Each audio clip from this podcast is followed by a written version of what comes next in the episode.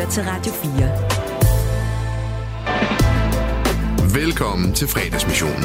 I dag med Tue Bledel. Hvis man på verdensplan skulle beslutte et klokkeslæt, hvor weekenden officielt begynder, så er klokken 15.05 et ret solidt bud, hvis du spørger mig. Og heldigvis så er det også lige nu, at fredagsmissionen bliver skudt i gang. Og med det velkommen til øh, to timers forfest til din weekend. Mit navn er som sagt Tue Bledel. Jeg har fået lov til at være vært i dag, da Anders Hagen er gået på en velfortjent sommerferie. Jeg glæder mig til dagens program, hvor vi lige om lidt stiller om til Italien og taler med en sand gastronomisk aficionado, som har lovet at hælde masser af Prosecco og ægte italiensk pizza ned over vores lidt mere tvivlsomme danske sommer, som det ser ud lige i de her dage.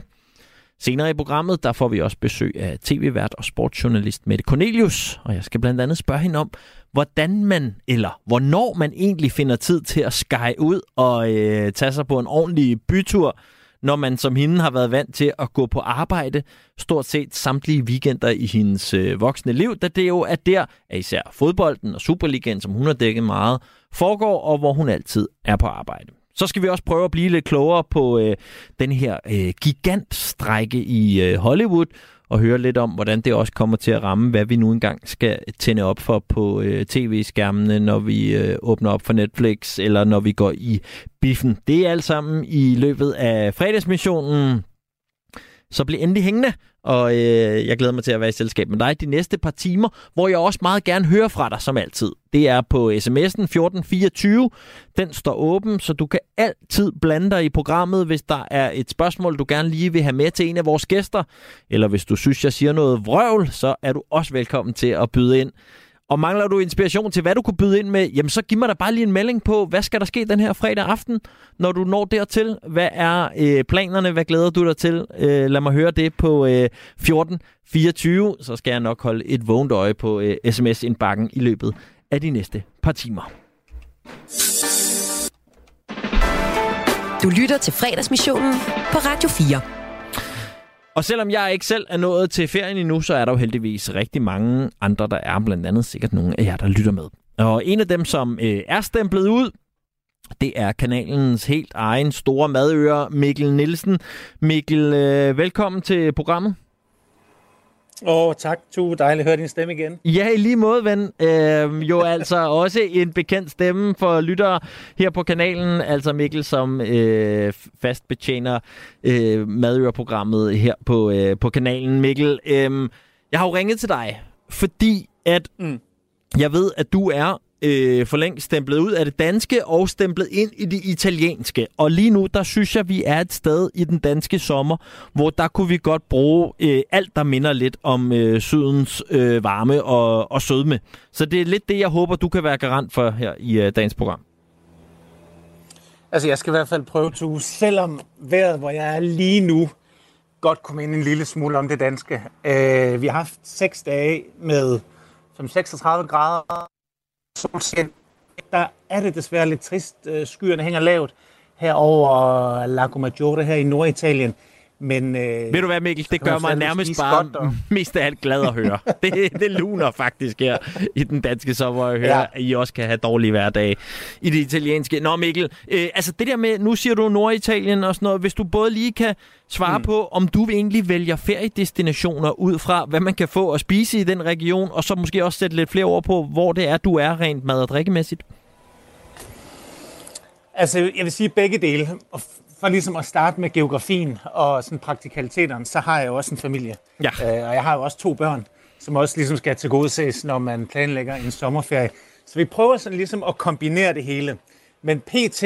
så er vi øh, en del af den der øh, kør selvbølge. Mm. Så vi pakkede bilen for en uges tid siden, og så kørte vi ned igennem Tyskland og Østrig, havde nogle lækre overnatninger dernede. Og nu er vi i øh, Norditalien, sådan på grænsen Lombardiet, Piemonte, ved den her dejlige sø, der hedder Lago Maggiore. Og øh, der har vi ikke været før, men det er det vil vi gerne se, og så har den sådan en god kombination af mad og bjerge og ting at lave, øh, som både passer til voksne, men også til børn. Fordi der vil jo gerne bades hver eneste dag, ikke? Klart. Øhm, ja. Okay, Mikkel, men hvad så? det vil jeg også gerne. Jeg kan også godt lide bedre. ja, ja, selvfølgelig.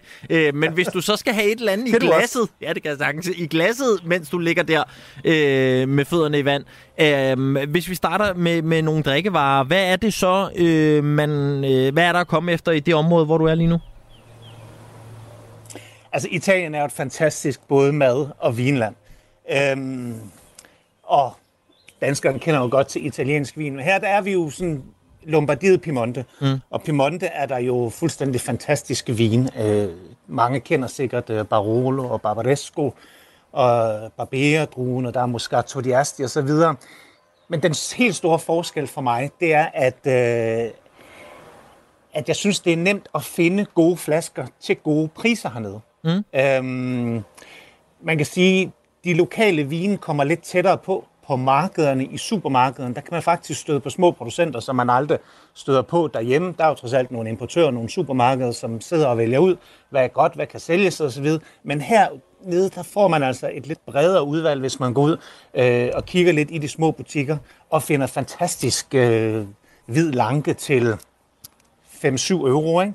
Øh, og, og det, det passer jo også os danskere, ikke? Øh, man kan sige, øh, og især mig, ikke? fordi mm-hmm. det der med at finde en vin, der koster 500 kroner, jamen, det smager notorisk godt, men det der med at gå ud og grave lidt og finde de små producenter og noget lokalt og noget virkelig støder på derhjemme, ja, det synes jeg er 100 gange sjovere. Ikke? Og så finde noget skide god kvalitet. Skønt. Men øh, jeg er blevet inspireret, Mikkel. Jeg griber lige ud efter et par glas, jeg har her i studiet, og så øh, har vi også ja, jeg, fået taget lidt italienske jeg skal nok bobler med hjem til dig. Det lyder godt. Fordi så skænker jeg lige op til mig og øh, producer Sille øh, her i studiet.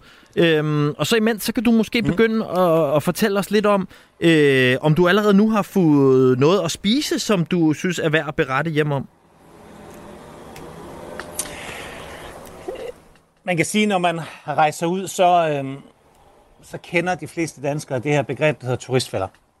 ja. og, øh, og det handler selvfølgelig om at, at undgå dem. Og, øh, og vi sad og snakkede om det i går, mig og min bedre halvdelen, det her med, at Italien er et fantastisk land at gå ud og spise. Selvfølgelig er der turistfælder, der er bare ikke ret mange.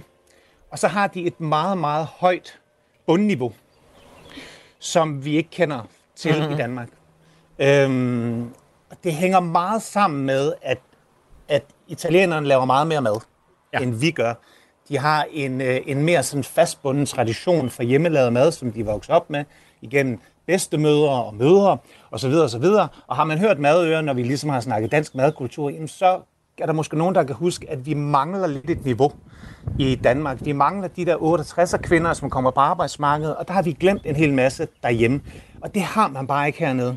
Så i går var vi ude, i går aftes var vi ude og trille en lille tur. Vi skulle finde noget at spise, kommer til en af de her byer, smukke byer, der ligger omkring søen og begynder egentlig sådan at tulle lidt rundt, da vi har googlet lidt hjemmefra, men synes ikke helt, der er noget, der passer, og ender egentlig bare med at sætte os på et sted, hvor vi tænker, kunne vi have ramt ned i en turistfald her? Du ved, ja. tjenerne er sådan lidt, lidt for meget i hvide skjort, en lille butterfly, og når man sådan får øhm, menukortet, jamen, så er det sådan indbundet i læder. Det står på tre sprog. Men så kigger jeg mig trods alt omkring og kan se, jamen rundt os, der sidder en 3-4 lokale familier, ikke? Ja.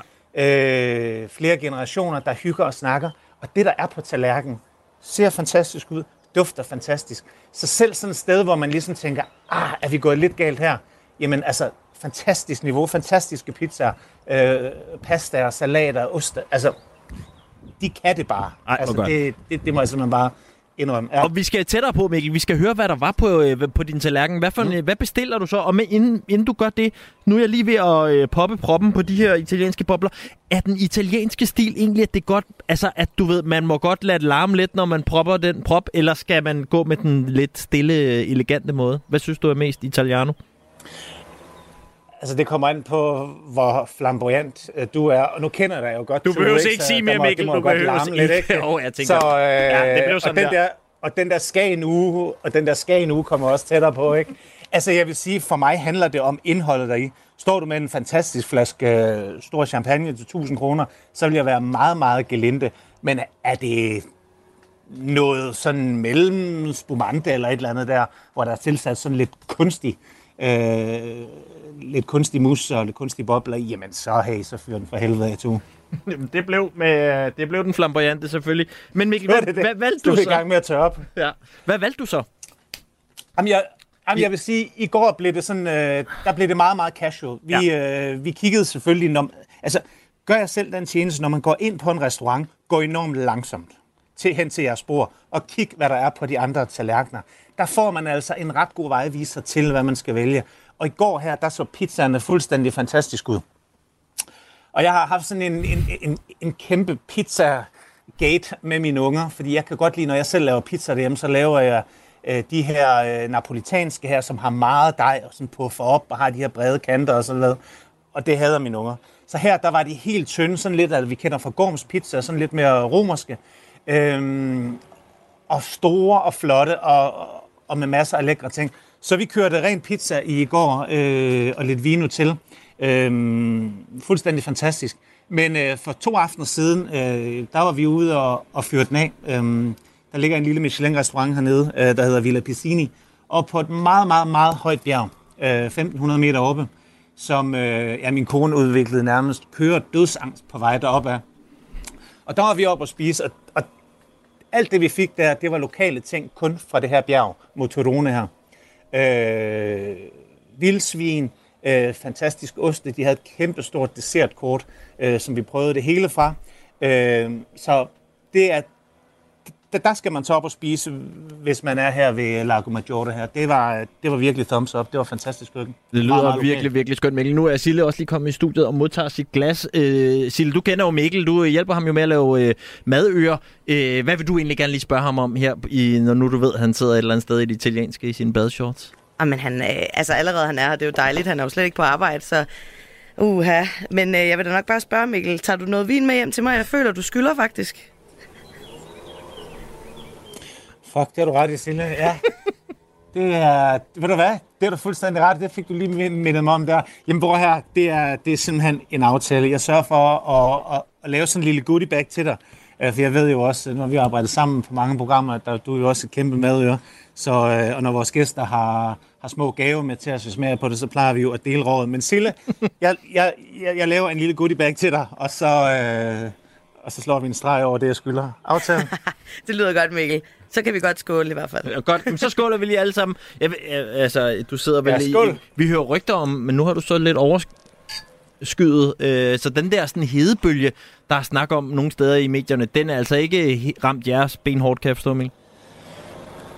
Vi havde den, da vi kørte nedad, ned gennem Tyskland, Østrig og Schweiz. Der, der, der var der sgu varmt. Øh, men hernede har det været dejligt, sådan et par 30 grader. Øh, svalt om aftenen. Men i dag er der som sagt lidt overskyet, men øh, så får man spillet nogle spil og, og hygget lidt, og så går turen videre i morgen, hvor vi skal ned til øh, Barolo. Vi skal ned og besøge et vinhus dernede. Mm. Og så kører vi ned til den liguriske kyst øh, senere i morgen, øh, når vi lige har fået øh, besøgt øh, en af de dygtige vinmænd, som vi har lavet en aftale med hjemme på forhånd. Og det skal man altid huske, hvis man er vininteresseret, at lave aftalerne på forhånd. Øh, det der med, at man kommer og banker på, det er de, øh, det er de færreste, der gider det. ja. Så... Øh, men Mikkel, øh, en ting er jo ligesom det her med at gå ud og spise i det italienske. En anden ting, som jeg tænker, at mange, øh, os, øh, der er vant til at være turister, også kender, det er den her udfordring, når det kommer til, at man står i det her land, Italien, hvor man ved, at du ved, der er så mange lækre råvarer, øh, men man skal, nu skal man ned på et eller andet marked måske, hvor man ikke ved, hvad tingene hedder, og man kender ikke lige grøntsagerne og øh, det kød, man står over for. Man kan ikke lige læse, hvor på øh, grisen sidder, eller konen sidder der og sådan noget. Hva, hvordan plejer du at gå til det der med at, at lave mad, når du er ude at rejse? Jamen, øh, altså for det første, sådan, øh, så er jeg jo sådan en, en, en, en praktisk anlagt type. Så, så hjemmefra, der har jeg sådan en grundkasse med. Der er to af mine bedste knive. Øh, der er... Øh... Og oh, der hoppede forbindelsen til det norditalienske en lille smule. Jeg ved ikke, om det er øh, skyerne, som øh, Mikkel kunne fortælle om, der øh, drillede lidt, eller hvad det er. Åh, oh, der var du, Mikkel. Sorry, du røg ja. lige ud der, da du var i gang med... Øh, du var lige, lige ud? Ja, du var lige nået til at fortælle om... Øh, øh, at du er lidt praktisk anlagt, når du, går, øh, når du ligesom går til det der med at skulle lave mad øh, selv, når man er i udlandet? Uh, hmm. Nu kan jeg høre jer igen. Nu kan vi også høre dig, Mikkel. Vi giver dig lige et skud mere, inden vi ringer dig op på en, på en helt gammeldags telefon. Prøv lige at, at, at fortælle lidt om, hvordan du går til det at lave mad i udlandet. Jamen, som sagt, så synes jeg, man skal gøre... Altså, det handler jo meget om, hvad det er for nogle råvarer, der er tilgængelige. Og, øh, og det italienske, hele den italienske øh, madkultur foredrag til, at det skal være enkelt og simpelt. Så, så det meste af det, vi laver, det er gode pastaretter med god pasta. Og så er det rigtig meget sådan oste og pølser og oliven og grøntsager og frugter. Sådan nogle Ja, nu... meget sjældent nu har vi vist mistet tålmodigheden med den forbindelse der. Sille, øh, vil du ikke øh, lige prøve at fange Mikkel på øh, en god gammeldags telefonlinje ned til det øh, norditalienske? Så ser vi om ikke, at vi kan øh, skaffe en lidt bedre øh, linje, fordi at øh, vi er faktisk nået til noget af det, hvor jeg virkelig har brug for hjælp, når jeg er ude at rejse. Altså det der med at tur omfavne det sted, man er, og tur lave nogle af deres retter, fordi det er jo der, man er på udebane det er, når man ikke længere har de der øh, go-to-retter, som man altid selv øh, både ved præcis, hvor i øh, supermarkedet de ligger hen i ens ingredienser, og man kender også øh, helt ud til fingerspidserne, hvordan man laver det, når man står hjemme i køkkenet. Det mangler man ligesom, når man øh, er i, øh, i udlandet. Så derfor så, øh, så håber jeg, at vi lige får etableret noget forbindelse til Mikkel her nu. Jeg synes, det øh, tegner lyst, når jeg kigger ud i øh, regien og hører, om ikke vi kan øh, få lidt svar på, hvordan at sådan et madøre så går til den øh, opgave.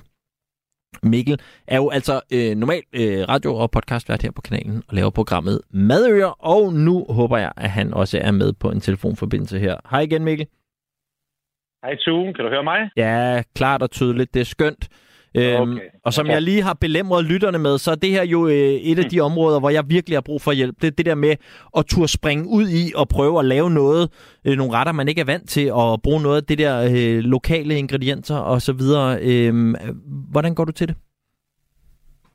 Øh, meget, meget ydmygt og meget, meget stilfærdigt, vil jeg sige. Det italienske køkken er jo sådan, i sin grundstruktur enormt enkelt, øh, frisk og lokalt. Øhm, så det her med, at man skal lave dybe, komplicerede retter, jamen, det vil jeg holde mig fra, fordi det er også tit der, hvor det kan gå galt, hvis man ikke sådan er nødvendigvis særlig øh, dygtig i et køkken. Så du gør det let for dig selv. God pasta, gode grøntsager, lav en tomatsovs øh, på, på, på lokale tomater med lokal basilikum. Altså det her, tingene smager bare bedre, når de derfra, hvor tingene kommer og er vokset. Øh, måske endda øh, næsten på samme mark og ved, ved siden af, hvor man bor. Så lad være med at kaste dig ud i store braserretter, store kødretter. Pasta, oste. Gør måltiden enkelt. Spis lidt flere gange. Et godt brød, nogle gode oste osv. Nu har jeg lige et, øh, et, lille, et lille tog, der lige passerede her bag. Hyggeligt. Øh, og Mikkel, hvad er så din go-to-ret i det norditalienske, når du selv skal kokkerere? Altså, jeg vil sige, øh, hele familien her elsker carbonara. Så, øh, altså, øh, grano og romano, gode æggeblommer, og så en sindssygt god pasta. Især pastaen heroppe i det norditalienske er jo, er, er jo den type, der bliver sat med, øh, med æg. Så den her gyldne pasta, ikke? og så den her fantastiske sovs, og så bare noget, noget, noget dejlig vin til. Øh, det, og, og så synes jeg, hvis man er hvis man er nysgerrig, så synes jeg faktisk, man skal undre sig selv og gå lidt med ud og spise. Øh, jeg synes, det er derude, hvor man, hvor man kan smage indtrykket og få den helt store oplevelse med hjem. Så, øh, så husk endelig at gå ud og smage på det lokale. Og så er det jo meget, meget billigere end vi vant til, når vi går ud og spiser derhjemme. Ikke? Og det kan vi danskere øh, jo godt lide. Øh, det tror jeg egentlig, alle folkefærd kan. Øh, det tænker jeg ikke er noget, der er særligt ved os. Enig, enig, enig. Mikkel, øh, vi skal også omkring, fordi det tænker jeg i hvert fald, når vi ligesom, øh, når man står øh, nu øh, hjemme i øh, den danske sommer, og øh, rigtig mange danskere har jo forelsket sig i det italienske køkken, øh, en romance, der går mange, mange år tilbage. Øh, og en af de ting, som øh, vi talte om tidligere på ugen, det var det her med, at jo især øh, det her med, øh, hvordan man laver sin pizza, er en ting, der i hvert fald er begyndt at fylde mere for danskerne, og også måske en her, hvor vejret er godt, og hvor man kan stå ude i måske en pizzaovn, måske man forsøger sig med en af de her mm. pizzasten og i grillen og så videre. Øhm, hvis vi lige starter på de hjemlige breddegrader, hvad er det så for en, for en trend, der er i gang, øh, som du har lagt mærke til i forhold til, til øh, de her pizzaer? Jamen, det, var, det er jo egentlig en trend, som, som begyndte for en 3-4-5 år siden. Der var et lille øh, finsk startup, der hed Uni, som, øh, som forsøgte at skaffe kapital til at lave en rustfri pizzaovn, som, øh, som egentlig kunne bage ved vanvittige høje temperaturer, og den kom ud over ramperne. Øh, den var der måske ikke så mange, der hoppede med på, men så er der selvfølgelig kommet andre til, ikke mindst det her mærke, der hedder Kotcher, som mange måske har set.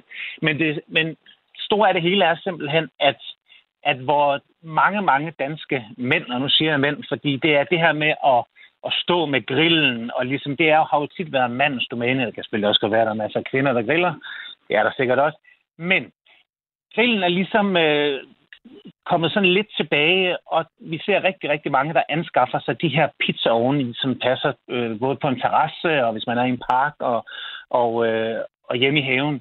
Øhm, fordi de er sindssygt nemme at bruge. De kan komme op i temperatur, det er altså lidt et, øh, et turning point i forhold til at kan lave en rigtig pizza.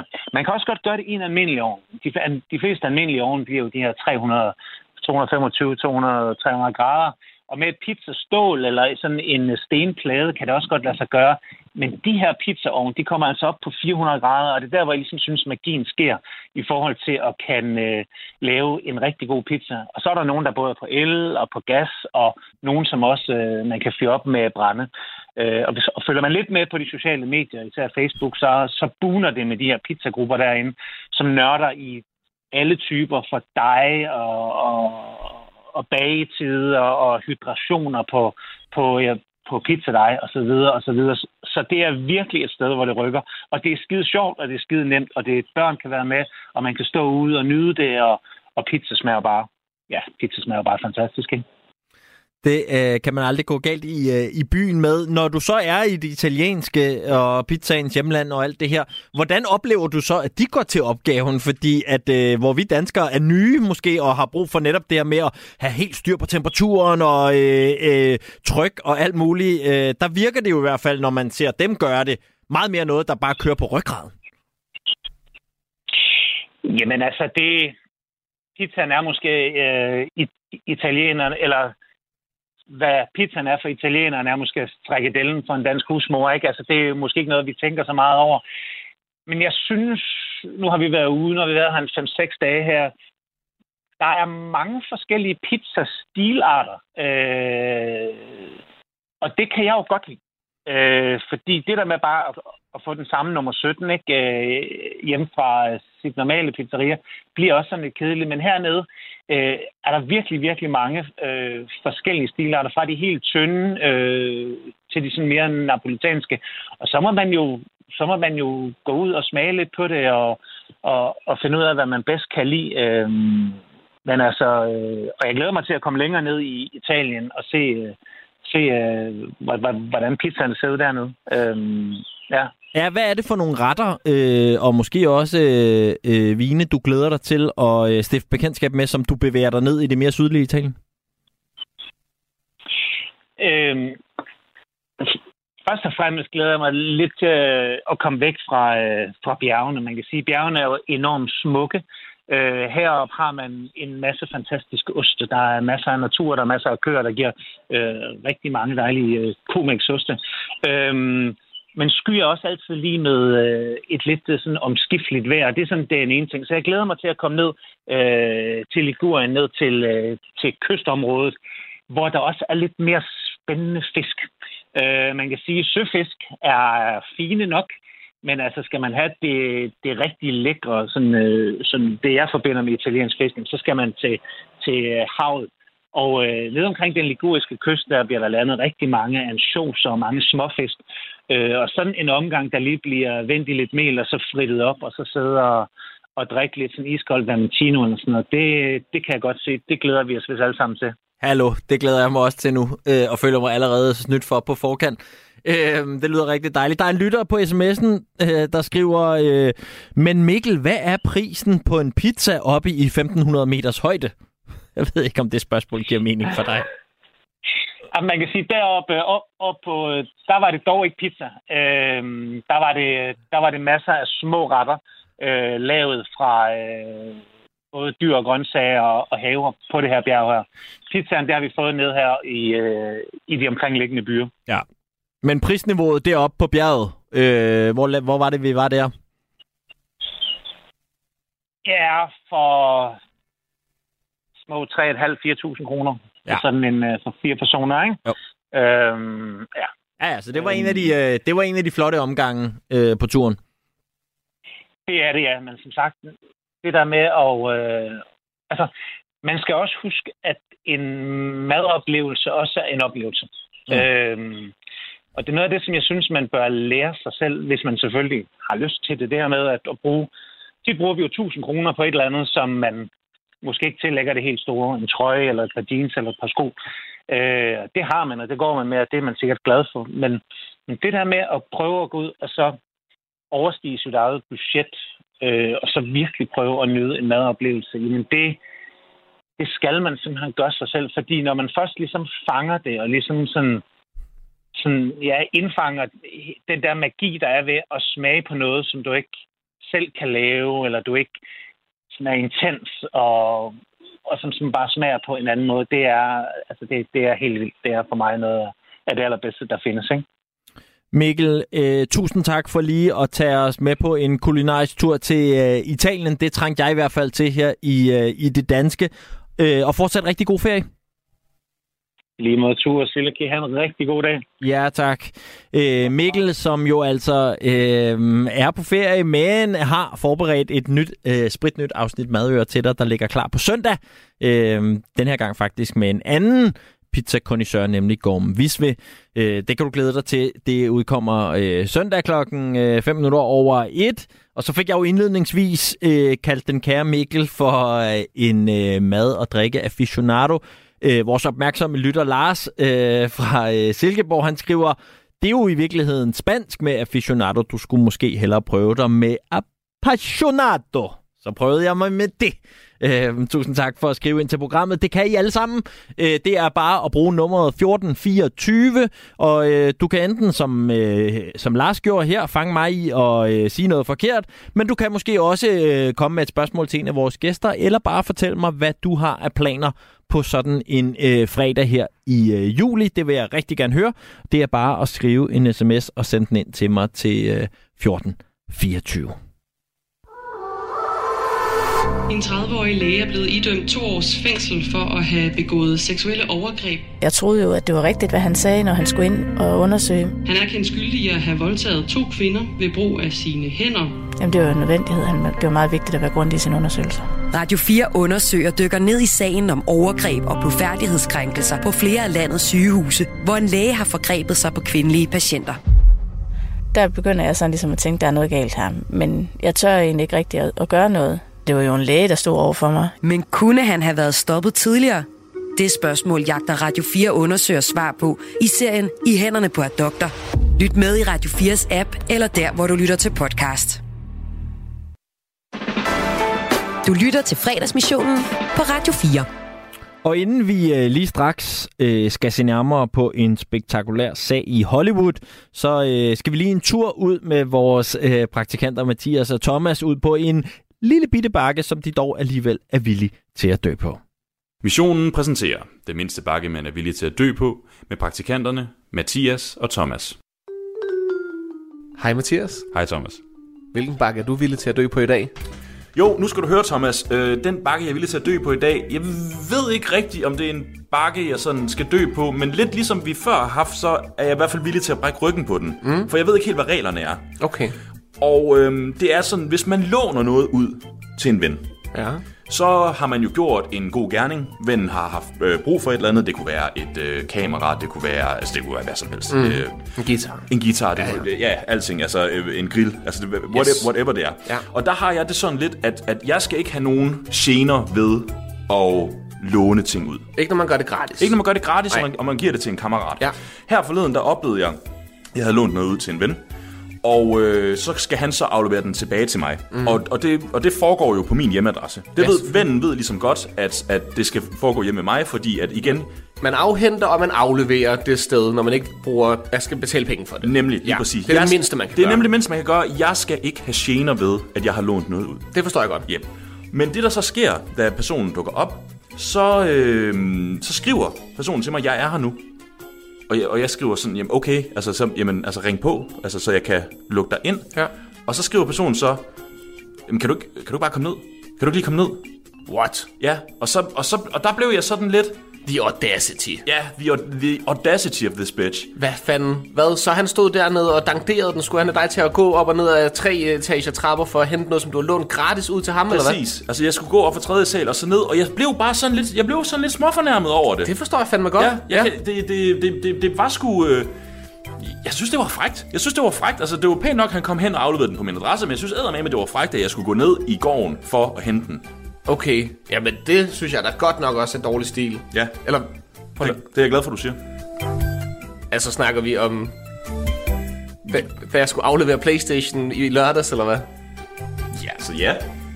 Jamen, jeg, jeg, kunne ikke, jeg havde så meget lort med, Mathias. Jamen, det, altså, jamen, jamen, du, men nu... Du var nu- bare hjemme og hygge dig. Jeg Nu- skulle afsted på arbejde. Jeg kommer forbi med Playstation. Og tak for lånet. Det er også rigtig sødt af dig. Men jeg har jo en oppakning med. Og kunne, der kunne du godt lige gå ned ad trappen. Jamen, Men er det det, det handler men, om, men eller jeg, hvad? Men jeg bør ikke. Det er det, der, det er det, der er på pointen. Jeg bør jo ikke med, Thomas. Det har du selv lige sagt. Jeg bør jo ikke gå ned. Det er dig, der har lånt min Playstation. Så skal jeg ikke gå ned i gården for at hente den. Jeg er ligeglad med, hvad du har med af oppakning. Så kan du aflevere den hvilken som helst anden dag. Du går op, du står i døråbningen. Måske går du endda ind og sætter den på den rigtige plads. Og så er det fint. Okay. Jamen, det kan jeg godt se. Det er, det er min fejl. Godt. Ja. Kan jeg egentlig låne den med igen i dag? Ja, ja, det er fint. Fedt. Du har lyttet til Den mindste bakke, man er villig til at dø på. Du lytter til fredagsmissionen på Radio 4. I går, under premieren på Christopher Nolans øh, Oppenheimer-film, der forlod filmens øh, skuespillere pludselig den røde løber og eventet midt i det hele. Årsagen, fagforeningen for de store Hollywood-stjerner, som øh, jeg er lidt i tvivl om, det man bare siger bogstaverne, eller om man udtaler det rigtigt. Det kan min gæst lige om lidt hjælpe mig med. Jeg kaster mig ud i SAG AFTRA, øh, meddelte i går, at deres medlemmer altså strækker over en bred kamp, og dermed lammer den amerikanske øh, filmindustri, og øh, de tilslutter sig så manuskriptforfatterne, som i virkeligheden har været i øh, strække siden øh, maj. Og til at blive klogere på den her strække, og hvordan det kommer til at påvirke, hvad vi skal se i fjerneren eller på vores øh, computerskærme, der har jeg nu inviteret dig i studiet, Anne Lind Andersen. Velkommen til. Tak skal du have. En øh, film- og serieekspert, anmelder og øh, meget øh, mere. Hvis vi lige starter med, med strækken, der så indtraf der i, øh, i går. Øh, hvad er det, der har fået øh, alle de her øh, skuespillere til at strække? Jamen, det er jo fordi, der var en ny kontrakt, der, skulle, øh, der var op til forhandling, som skulle være faldet på plads faktisk her 1. juli. Og den blev så udskudt, og da den ikke faldt på plads, man ikke kunne blive enige med øh, producentforeningen øh, AMPTP, hedder den øh, nu, når vi er ved de der forkortelser, som, som SAG-AFTRA. Øh, øh, og det er jo en forening af producenter, som består af de store filmstudios. Det er Disney, det er Sony, Paramount, Universal, you name it. Det er alle de store tv-networks, og så er det de store streamingtjenester. Alt fra Netflix, øh, Apple, øh, Amazon, alle de der. De står på den ene side, Mm-hmm. og de kunne så ikke helt gå med til nogle af de krav, som øh, Skuespilforbundet ligesom stillede, og så kunne man ikke nå til enighed, og så øh, havde Skuespilforbundet jo ligesom spurgt deres medlemmer, 160.000 medlemmer, om hvad de vil sige til at gå i strække, hvis det blev nødvendigt, og det har 98 procent af medlemmerne simpelthen øh, øh, sagt ja til, eller givet grønt lys for. Så øh, det gjorde de simpelthen i, i går, da forhandlingerne så faldt. Og når jeg lige tænker over, øh, hvem der må repræsen- blive repræsenteret i det amerikanske øh, skuespilsfagforening, øh, fagforening, så tænker jeg, at øh, nogle af de her Matt Damon-typer, der så øh, forlod den røde løber i går, det er jo øh, den ene procent, der er super, super stjerner. Der må også være rigtig mange af dem, vi er vant til at høre fortællingen om, som ligesom kæmper med at få det til at løbe rundt. Øh, der må alligevel skulle noget til for, at de vælger at sige, så går, nu, nu går jeg ikke på arbejde længere. Hvad er det ved denne her øh, aftale, der er, er så græld, at øh, også at de for første gang i så mange år vælger så mange af dem at sige, vi, vi støtter en strække? Ja, men altså det er jo fordi, der, altså, de, deres øh, løn- og arbejdsvilkår er blevet forværret. Øh, når, nu, det hænger jo også meget sammen med øh, forfatterne, manuskriptforfatternes øh, strækker og deres klagepunkter, eller krav kan man sige, og det hænger meget sammen, og de ligner meget hinanden. Men det, det, det, det handler jo om, at de får for lidt i løn, og vilkårene har ændret sig nu, specielt også med streamingtjenesternes indfindelse. Øh, altså, at der er øh, sæsonerne bliver, for eksempel seriesæsonerne, bliver jo kortere og kortere, der bliver længere og længere pause mellem, øh, og de der writers room, bare for lige at tage den, mm. de bliver også mindre og mindre. Øh, og, og for skuespillerne er det jo det samme. Altså, de, det er lige præcis, som du siger, det er jo ikke, det, den her strække handler jo ikke om en 1% lille forkælet gruppe Hollywood-stjerner, øh, som det lidt bliver gjort til nogle steder på nettet, kan jeg læse. Ikke? Altså, det er sådan en, ej, hvad, hvorfor klager de nu? Har de det ikke godt nok? Altså, det er jo ikke dem i virkeligheden, det her det handler om. Den her strække handler jo om de der 159.000 øh, andre medlemmer i Skuespilforbundet, som for størstedelen er jo helt almindelige skuespillere, sådan i anførselstegn almindelige, øh, som, som kæmper om at, at, at, at kunne klare sig økonomisk. Jeg så et andet klip med Matt Damon, hvor han var simpelthen, de går efter, at, øh, at mindsteløn er 26.000 dollars om året for skuespillere, og når man regner det rundt i øh, danske kroner, så øh, er der sådan noget 173.000. Det, det svarer til en månedsløn på 14.500 danske kroner om måneden. Det, altså, i hvert fald set med danske øjne, eller hørt med danske så er det jo ikke fuldstændig ublu krav at have i forhold til, til ens løn. Mm. Og det er bare sådan den ene ting. Så er der jo også noget med nu her med streamingtjenesten, det der med, at man får en lille smule, lad os kalde dem øh, øh, royalties, i forhold til, at man laver en serie for en streamingtjeneste, som så bare bliver ved med at køre i en uendelighed, at man også får noget ud af det. Og så er der selvfølgelig endelig det her med artificial intelligence, som, som hele tiden bliver nævnt, men det er jo en, øh, altså prøv at sikre sig nogle sikkerhedsvilkår mm. øh, vilkår, i forhold til, at man som skuespiller øh, ikke får misbrugt øh, eller viderebrugt sit navn og sin stemme øh, af, de her store studios, af produktionsselskaberne. Det vil sige, forestil dig, hvis du har været på arbejde en dag, du er sådan en skuespiller, der står i baggrund. Du har måske en enkelt replik, der har du måske ikke engang. Men dit ansigt og din mimik og mm. din tilstedeværelse er i klippet det, det kan studio, det er det i hvert fald det, det, de har lagt op til, det er, at det er studien så kan, eller produktionsselskaberne kan bruge det i en uendelighed til at, øh, at fodre det til en øh, kunstig intelligens, som så kan gøre med det, hvad det vil, og spytte det ind i en anden serie eller et andet sted, du ved, øh, uden du får som skues, skuespiller får en krone for det. Så, så det kan man jo godt forstå, at man i hvert fald vil, vil prøve at sikre sig øh, på en eller anden måde, at det ikke sker. Og hvis vi så kigger på den anden side af den her konflikt, sådan som du læser det, er det så fordi, vi står med nogle griske studios og mm. kæmpe store filmselskaber, der bare der i forvejen øh, høster millioner af dollars, og nu bare vil have flere? Eller er det fordi, at de her virksomheder øh, er i en krise? Altså, ja, det er både over, det er, det er derfor, det er kompliceret, ikke? fordi at det er klart, at streamingtjenesterne øh, står, især streamingtjenesterne, står jo over for en kæmpe udfordring i og med, nu kan vi bare se, bare tage Danmark, ikke? nu er det lige vedtaget ved lov, at øh, udenlandske streamingtjenester skal ligesom betale en, en medieafgift, eller hvad vi nu kalder det, en, mm. en skat i hvert fald, her i Danmark. Øh, og det er jo sådan nogle ting, der godt kan blive ved med at stige. Det er jo udgifter hele tiden for dem, plus de, øh, de er i en krig med andre streamingtjenester, og det handler om at, øh, at få øh, flest eller flere abonnenter, og det abonnenttallet har været nedgående. Nu er den begyndt at så at, at stagnere ikke? Og, og ligge sådan på et leje, men den har jo været faldende her de sidste par år.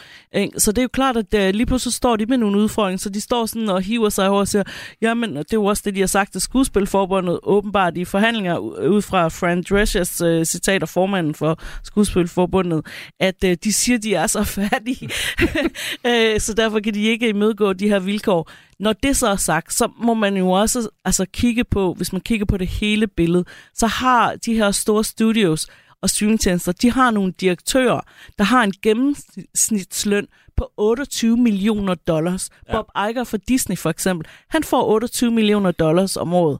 Ikke? Altså, så kan man sige, okay, hvis du var en, en virksomhed, så, øh, og det ser det har vi jo for eksempel set eksempler på herhjemme, så kunne du måske som direktør sige, okay, så går jeg måske en million ned løn, for at øh, de der helt nederste her kid, som er forfatterne, mm. og øh, som er de der øh, helt almindelige skuespillere, som ikke rigtig er stjerner, øh, at de får, i hvert fald får mindsteløn, så de kan få de der 26.000 dollars om året, som er det, der skal til for, at de kan opnå øh, health insurance, øh, altså sygesikring. Øh, fordi ellers kan de ikke få det. Øh, så ja. Som jo er endnu en ting, man altid skal huske, når man taler, øh, når amerikanere øh, især amerikanske arbejdere kæmper for deres rettigheder, det her med, at øh, de står noget anderledes stillet, end vi gør herhjemme, hvis det er, at man en dag lige så pludselig øh, falder og øh, brækker benet, eller hvad det nu kunne være. Præcis. Jan, jeg glemmer øh, fuldstændig mine gode manerer, fordi jeg er så spændt på at høre om det er Hollywood, så jeg har helt glemt at skænke op for dig. Øh, det er jo øh, fredagsprogram, det her. Du får, oh. Vi har jo en flaske bobler i studiet. Nå, for søren da. Det, fordi det var da vi havde, en positiv vi havde, overraskelse. Ja, ikke? Jamen, jo. vi havde lige øh, hul igennem til øh, vores øh, øh, vært på madprogrammet her på kanalen, og han var i Italien og fortalte os Jeg både godt noget om, om noget carbo, carbo, carbo, Ja, noget carbonara. Carbonara, det var det, jeg skulle sige. Du lige tak. et, et, et glas bobler. Det føles selvfølgelig sådan lidt rytteriet at sidde her og drikke bobler ovenpå nogle fattige skuespillere, men sådan må det være. Ikke? Øhm, and, så kan vi måske så også lige ændre fokus en lille smule og snakke lidt om, hvilken betydning får det her for øh, de ting, der så kommer ud i den anden ende, eller ikke kommer ud. Altså, de her skuespillere har jo, som jeg forstår det, det kan du måske også lige starte med at afklare, simpelthen øh, taget deres tøj i garderoben og gået fra filmsæt, øh, der var ellers er i midt i gang. Altså, forbundet har jo sendt ud sådan nogle retningslinjer for, hvad de må og ikke må her under strækken, og det er jo ingenting stort set. Altså, de må i hvert fald ikke øh, lave noget som helst på nogen filmsæt.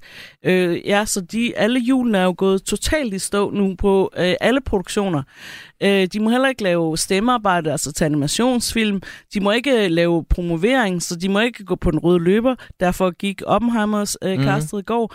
De må ikke øh, lave altså, øh, andet PR på talkshows eller på noget andet. De må ikke lave kampagne for, lad os nu sige, Oscar-kampagnen vil gå i gang her i efteråret øh, med sådan nogle screenings og talks osv. Det må de heller ikke lave noget af. Altså alt går i stå lige nu. Så derfor er det nogle vidtrækkende konsekvenser, der kommer af det her, som ikke bare ligesom kan lukke sig ind i sådan en vi kan feje væk og så sige, at det er kun de der amerikanske skuespillere, den amerikanske filmindustri, det her det går ud over. Der er jo øvrigt øh, mange af Zac Afters medlemmer er jo britiske skuespillere, så de bliver jo også påvirket af det, ikke? og der øh, i øvrigt også i Australien og i New Zealand. Øh, så der er også ting der, der kommer til at gå i stå. Øh, og så, så, handl, så vil jeg sige, der er jo også alle de her øh, erhverv, der er tilknyttet filmindustrien, som bliver påvirket af det her. Altså vi taler jo øh, øh, transport, ja, security, ja. udlejning øh, catering, lys og lyd. Og, præcis, ja, ja. Øh, håndværkerne, elektrikerne, ja. øh, make-up-artisterne, alle de her erhverv, som er tilknyttet film, de står jo lige pludselig også uden jobs, ikke? Og, og øh, så det har en kæmpe effekt. Altså, øh, jeg så lige Forbes øh, estimere, at øh, altså, hvis det her var længe, så kan det øh, komme til at koste øh, i hvert fald i omegnen af 3 og 4 milliarder dollars, øh, den her strække. Ikke? Øh, og sidst øh, øh, forfatteren gik i strække, der kostede det byen LA 2 milliard, milliarder dollars. Ikke? Altså, ja. det, det er nogle kæmpe økonomiske konsekvenser, vi kan få af sådan en strække. Så kommer det så selvfølgelig, det de fleste sidder og tænker, Nå, men hvordan kommer jeg til at mærke det? Hvordan øh, går det ud over Vi skal vende os til at se en masse reality læste et sted. Præcis, reality unscripted, ikke? Altså, mm. det, det kan man så... De er ikke ramt det kan af man, strække, nej. Præcis, de er jo ikke medlemmer, mange af dem, af, af, af skuespilforbundet. Øh, men ellers så kommer det kommer til at mangle, og vi kommer, og det måske, øh, jeg, jeg har jo egentlig sagt det først ind i 2024, men allerede det her efterår, altså ingen, de store filmfestivaler, skal du tænke på, de har jo ikke ret meget at gøre godt med, Hvis når de, de amerikanske film og de amerikanske skuespillere ikke må dukke op. Mm. Altså hele... Øh, award season går sådan set i stå. Og så når vi frem til, at øh, i foråret øh, 2024, så er der måske stort set ikke nogen nye amerikanske film at sende ud. Heller ikke i danske biografer. Og øh, det er jo et kæmpe problem for, for biograferne, ja. at der ikke er film nok til at hente publikum ind. Så det kommer også til at gå ud over øh, økonomien herhjemme. Øh, så det er ikke bare sådan lige øh, nogle få Hollywood-skuespillere, der er lidt forkælet. Og med alle de her konsekvenser, du lige har listet op, er der så også grund til at tro, at øh, selskaberne kommer til at øh, bøje af relativt hurtigt, og vi ser den her strække øh, ikke vare særlig længe, eller synes du, der er lagt op til en langvarig strække? Det er svært at sige. Altså, ja, man, i hvert fald, at øh, producentforeningen har jo har indkaldt en uh, mediator, som det hedder, sådan en, med, sådan en forhandler, ikke en mailer, øh, til skuespil, forhandlinger med skuespilformuden. Det gjorde de sjovt nok ikke til forfatterne. Forfatterstrækken, mm. der var de lidt mere ligeglade og lidt mere kold høen. Og der, var jo, der har jo været sådan en historie med en anonym kilde fra producentforeningen, som, som har sagt, at øh, man selvfølgelig tage det ikke for gode var, når det er anonym, men, men øh, mediet skulle have kendt til, hvem kilden var. Men, men at øh, vedkommende havde sagt, at øh, altså, vi er klar til at vente, til forfatterne går fra hus og hjem. Altså, til, altså der er nærmest der blod på bordet, ikke? Okay, vildt øh, Ja, det er ret vildt. Jeg tror lige nu, når skuespil- skuespillerne også er gået på, øh, på strække, og vi har den her dobbeltstrække, som er første gang siden 1960, øh, vi ser en dobbeltstrække, mm. så er det meget, meget alvorligt. Altså, og derfor øh, vil de måske være mere tilbøjelige til ligesom at komme til forhandlingsbordet øh, for at få en deal ud. Men øh, som det ser ud lige nu, som det er tegnet op, og det er selvfølgelig også på day one, så, så står parterne ret stejlt over for hinanden. An, øh, bliv lige hængende, fordi øh, udover at jeg tænker, når nu du er her, og når nu det danske sommervejr er, som det er, så skal vi også lige have lukket et par øh, filmanbefalinger øh, ud af dig, øh, sådan så man har noget at lave, hvis det bliver øh, dårligt vejr, øh, hvilket øh, det godt kunne se ud som om, man kan blive ramt af en dag eller to i hvert fald, hvis man har tænkt sig at holde sommer i, øh, i Danmark. Og så har jeg også øh, en anden ting, vi skal nå at vende, men først skal vi lige nå et stykke fredagsmusik. Øh, det plejer øh, den sædvanlige vært på programmet her, Anders Hagen, at have sit, han altid går med. Jeg har ligesom prøvet at så skulle finde mit stykke fredagsmusik. Er det noget, man kan danse til? Det vil jeg sige, hvis du kender at den der sådan øh, langsomme knipse, en enkelt fod bag den anden, øh, og så med en stråhat og øh, et eller andet, en lidt for åben hørskjorte. Du er den cool fyr over hjørnet. Ja, lidt. eller måske lidt for øh, kikset. Men øh, i hvert fald, så synes jeg, at det her nummer kan få en til at føle sig som den cool fyr, eller den cool øh, kvinde, uanset øh, hvor man befinder sig. Det er øh, Kevin Harris sammen med Frank Ocean og øh, Migos på øh, nummeret Slide, som vi napper her.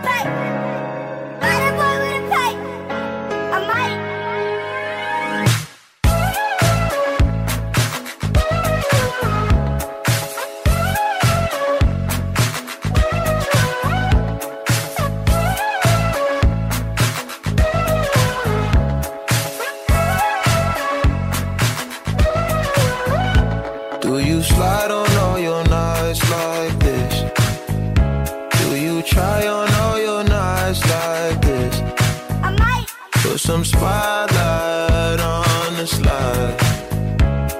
Whatever comes, comes too clear. Do you slide on all your nights like this? Do you try on all your nights like this? I might put some spotlight on the side. And whatever comes, comes too clear. Uh. All this joy. my favorite part. We see the lights that got so far. It went too fast, we couldn't reach it with the uh, arm. Wrist on the wrist, a link of charms. Laying was still a link apart. Like we could die all young, like we could die all blind. If we could see in 2020, twice we could see it till the end. Put that spotlight on her face. Put that spotlight on her face. We gon' pipe up and turn up. We gon' light up and burn up. Mama too hot like a like what? Mama too hot like a furnace. I got a hundred G's, I'ma go y'all. My diamonds gon' shine when the lights dark. You and I take a ride down the boulevard, and your friends really wanna break us apart. Good lord good graces. Staring at my diamond while I'm hopping out of spaceship. Need your information, take vacation to Malaysia. You my baby, the paparazzi flashing crazy. She swallowed the bottle while I sit back and smoke gelato. Walking my mansion, 20,000 patent Picasso. Bitch, it be dipping, dabbing with niggas like a nacho. Took off a pen and diamond dancing like Rick Ricardo. She having it with the color working on the bachelor. I know you got a pass, I got a pass that's in the back of us. Average, I'ma make a million on the average. I'm riding with no brain, bitch, I'm out Do of it. You slide on all your nights like this.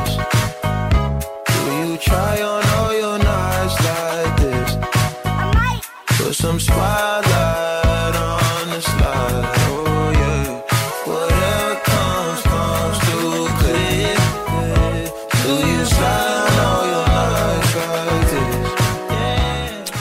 Yes, mens at uh, Calvin Harris og Frank Ocean og Mikas, de slider der ud af, så uh, vender vi tilbage til snakken her i uh, studiet, hvor jeg jo har uh, besøg af dig, Anne Lind Andersen, som er uh, blandt andet uh, filmanmelder, og derfor tænkte jeg også, at du kunne lige hjælpe os med en hurtig uh, filmanbefaling i forhold til, hvis man uh, kunne tænke sig at hoppe i biffen hen over sommeren. Ja, en perfekt sommerblockbuster, det er jo Mission Impossible. Den syvende Dead Reckoning Part 1, som lige er kommet. Øh, altså, det er en super actionfilm, og Tom Cruise kan stadigvæk, og der er de vildeste spektakulære stunts i. Altså, Nå, fedt. Ja, den leverer. Okay, Ja. godt. Så Yes. øh, hvis man vil have det, så er det actionbrag, så øh, er der garant for det med Mission Impossible 7. Og så kan man lige, må jeg lige hurtigt snige ind, Ja da. at i næste uge, så kommer både Barbie-filmen og Chris Nolans Oppenheimer. Uh. Ja, så det bliver en stor biograf ude næste uge. Jamen, øh, der er masser af kasser over, så ja. hvis øh, vejret ikke lige arter sig. Øhm, den ting, jeg jo også lige gerne vil nå at vende med dig, det er fordi, jeg ved, du er jo øh, snart på vej på sommerferie. Øh, og øh, jeg talte tidligere på ugen med en, som havde valgt at gå lidt anderledes til det der med ferie. Hun havde nemlig øh, forsøgt sig med at holde ferie ude sin mobiltelefon. jeg kan nærmest se angsten springe frem. Sveden pibler fra bare ved tanken. Ja. øhm, det var øh, journalist på politikken, Line Våben, som øh, havde overrasket sin kæreste for nylig med en dejlig, godt nok trods alt, bare weekendtur til Oslo, på den betingelse, at de begge to lå, øh, lå øh, telefonerne øh, ligge derhjemme. Øhm, du kan lige prøve at høre her, hvordan hun øh, oplevede det at være på øh, ferie uden mobiltelefon. Man er ikke klar over, hvor meget man bruger den, før man faktisk skal undvære den. Øh, det var en rimelig sådan, rystende oplevelse for os faktisk. Det, man lagde mærke til, var alle de gange, hvor man ligesom greb ned i lommen og tænkte, Nå, nu skal vi lige tjekke kursen på norske kroner. Nå, nej, skal vi ikke. Eller nu skal vi lige købe en mobilbillet. Nå, nej, skal vi ikke. Øh, nu skal vi lige finde vej. Øh, nej, skal vi heller ikke. Øh, altså, eller nu skal vi tage en kæresteselfie. Jeg havde taget sådan en gammel kamera med i stedet for. Det var krop umuligt at tage selfies med. Klar. Øh, så, så der var utrolig mange af sådan små forhindringer hele tiden. Ja, øhm, der fik vi jo så bekræftet øh, vores angst, øh, som jeg følte, vi delte her i studiet, i forhold til ikke at have sin telefon med, når man øh, begiver sig ud at rejse.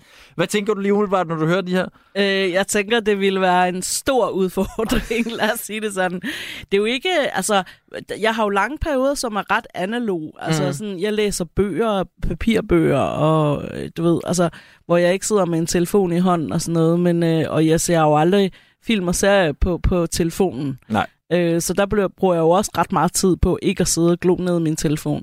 Men så, så øhm, ja, ja, ja, det vil være svært lige præcis med de der praktiske ting, ja. også når man tager på ferie, tænker jeg. Jeg har et klip mere, som måske kan være med til at, øh, at, at lokke lidt mere til, at du må også få lyst til at kaste dig ud i, øh, i det her. Øh, Du kan lige høre, hvad Line siger om, øh, hvordan det trods alt også endte med at blive en god oplevelse. det var virkelig, virkelig, virkelig dejligt. Altså, jeg, jeg kan virkelig anbefale det. Det befriende var, øh, at øh, vi øh, lagde mere mærke til hinanden. Vi havde uforstyrrede samtaler. Øh, vi øh, var på restaurant i fire timer, sad fordybet i samtale, tog ikke nogen billeder af, øh, hvad hedder det, maden, eller tjekkede telefonen, når den anden var på toilettet. Øh, vi blev ikke forstyrret af nogen. Vi blev simpelthen, det var en uforstyrret ferie. Der var ikke noget, der sagde pling, eller nogen, der ringede, eller man skulle lige tjekke en sms eller en mail, eller google noget. Problemet med en telefon er, at man bliver suget ind i den, så selv hvis du skal tage en selfie, så ser du lige, hov, der er lige noget på min messenger, og så, så bliver man hævet ud af det, man er i. Så øh, men det var en mere nærværende ferie. Ja, øh, blev du fristet af, af det her klip så? Ja, det gjorde jeg faktisk. Mm. Altså, Det kunne jeg også mærke, jeg gjorde. Ja, altså jeg synes, og, og jeg vil sige, at når jeg sådan tænker efter, øh, udover den der umiddelbare reaktion, jeg havde af angst ved tanken, så, øh, så synes jeg faktisk, det er ret fristende lige frem, altså at prøve det. Øh, måske ikke sådan for super lang tid, men ja, sådan en weekendtur til et ja. eller andet sted hen. Det, det, det kunne jeg godt overskue, tror jeg. Man kan jo starte helt simpelt. Det ved jeg også, de havde gjort. De havde faktisk taget dem med, givet dem til øh, øh, receptionisten nede i hotellobbyen og sagt, hvis nu nogen et eller andet ringer, og det er nødstilfælde, så kan vi altid, og så videre. Ja. Det kan man jo gøre. Man kan jo bare aflevere dem på hotellet, og så ligesom prøve det af en dag, se om det er noget for en. Øh, Anne Andersen, tiden øh, flyver afsted, yes. og øh, jeg vil sige tusind tak for besøget. Jamen selv tak. Rigtig god øh, ferie, uanset om det bliver med eller uden mobil. Ja, nu får vi at se. det er klart.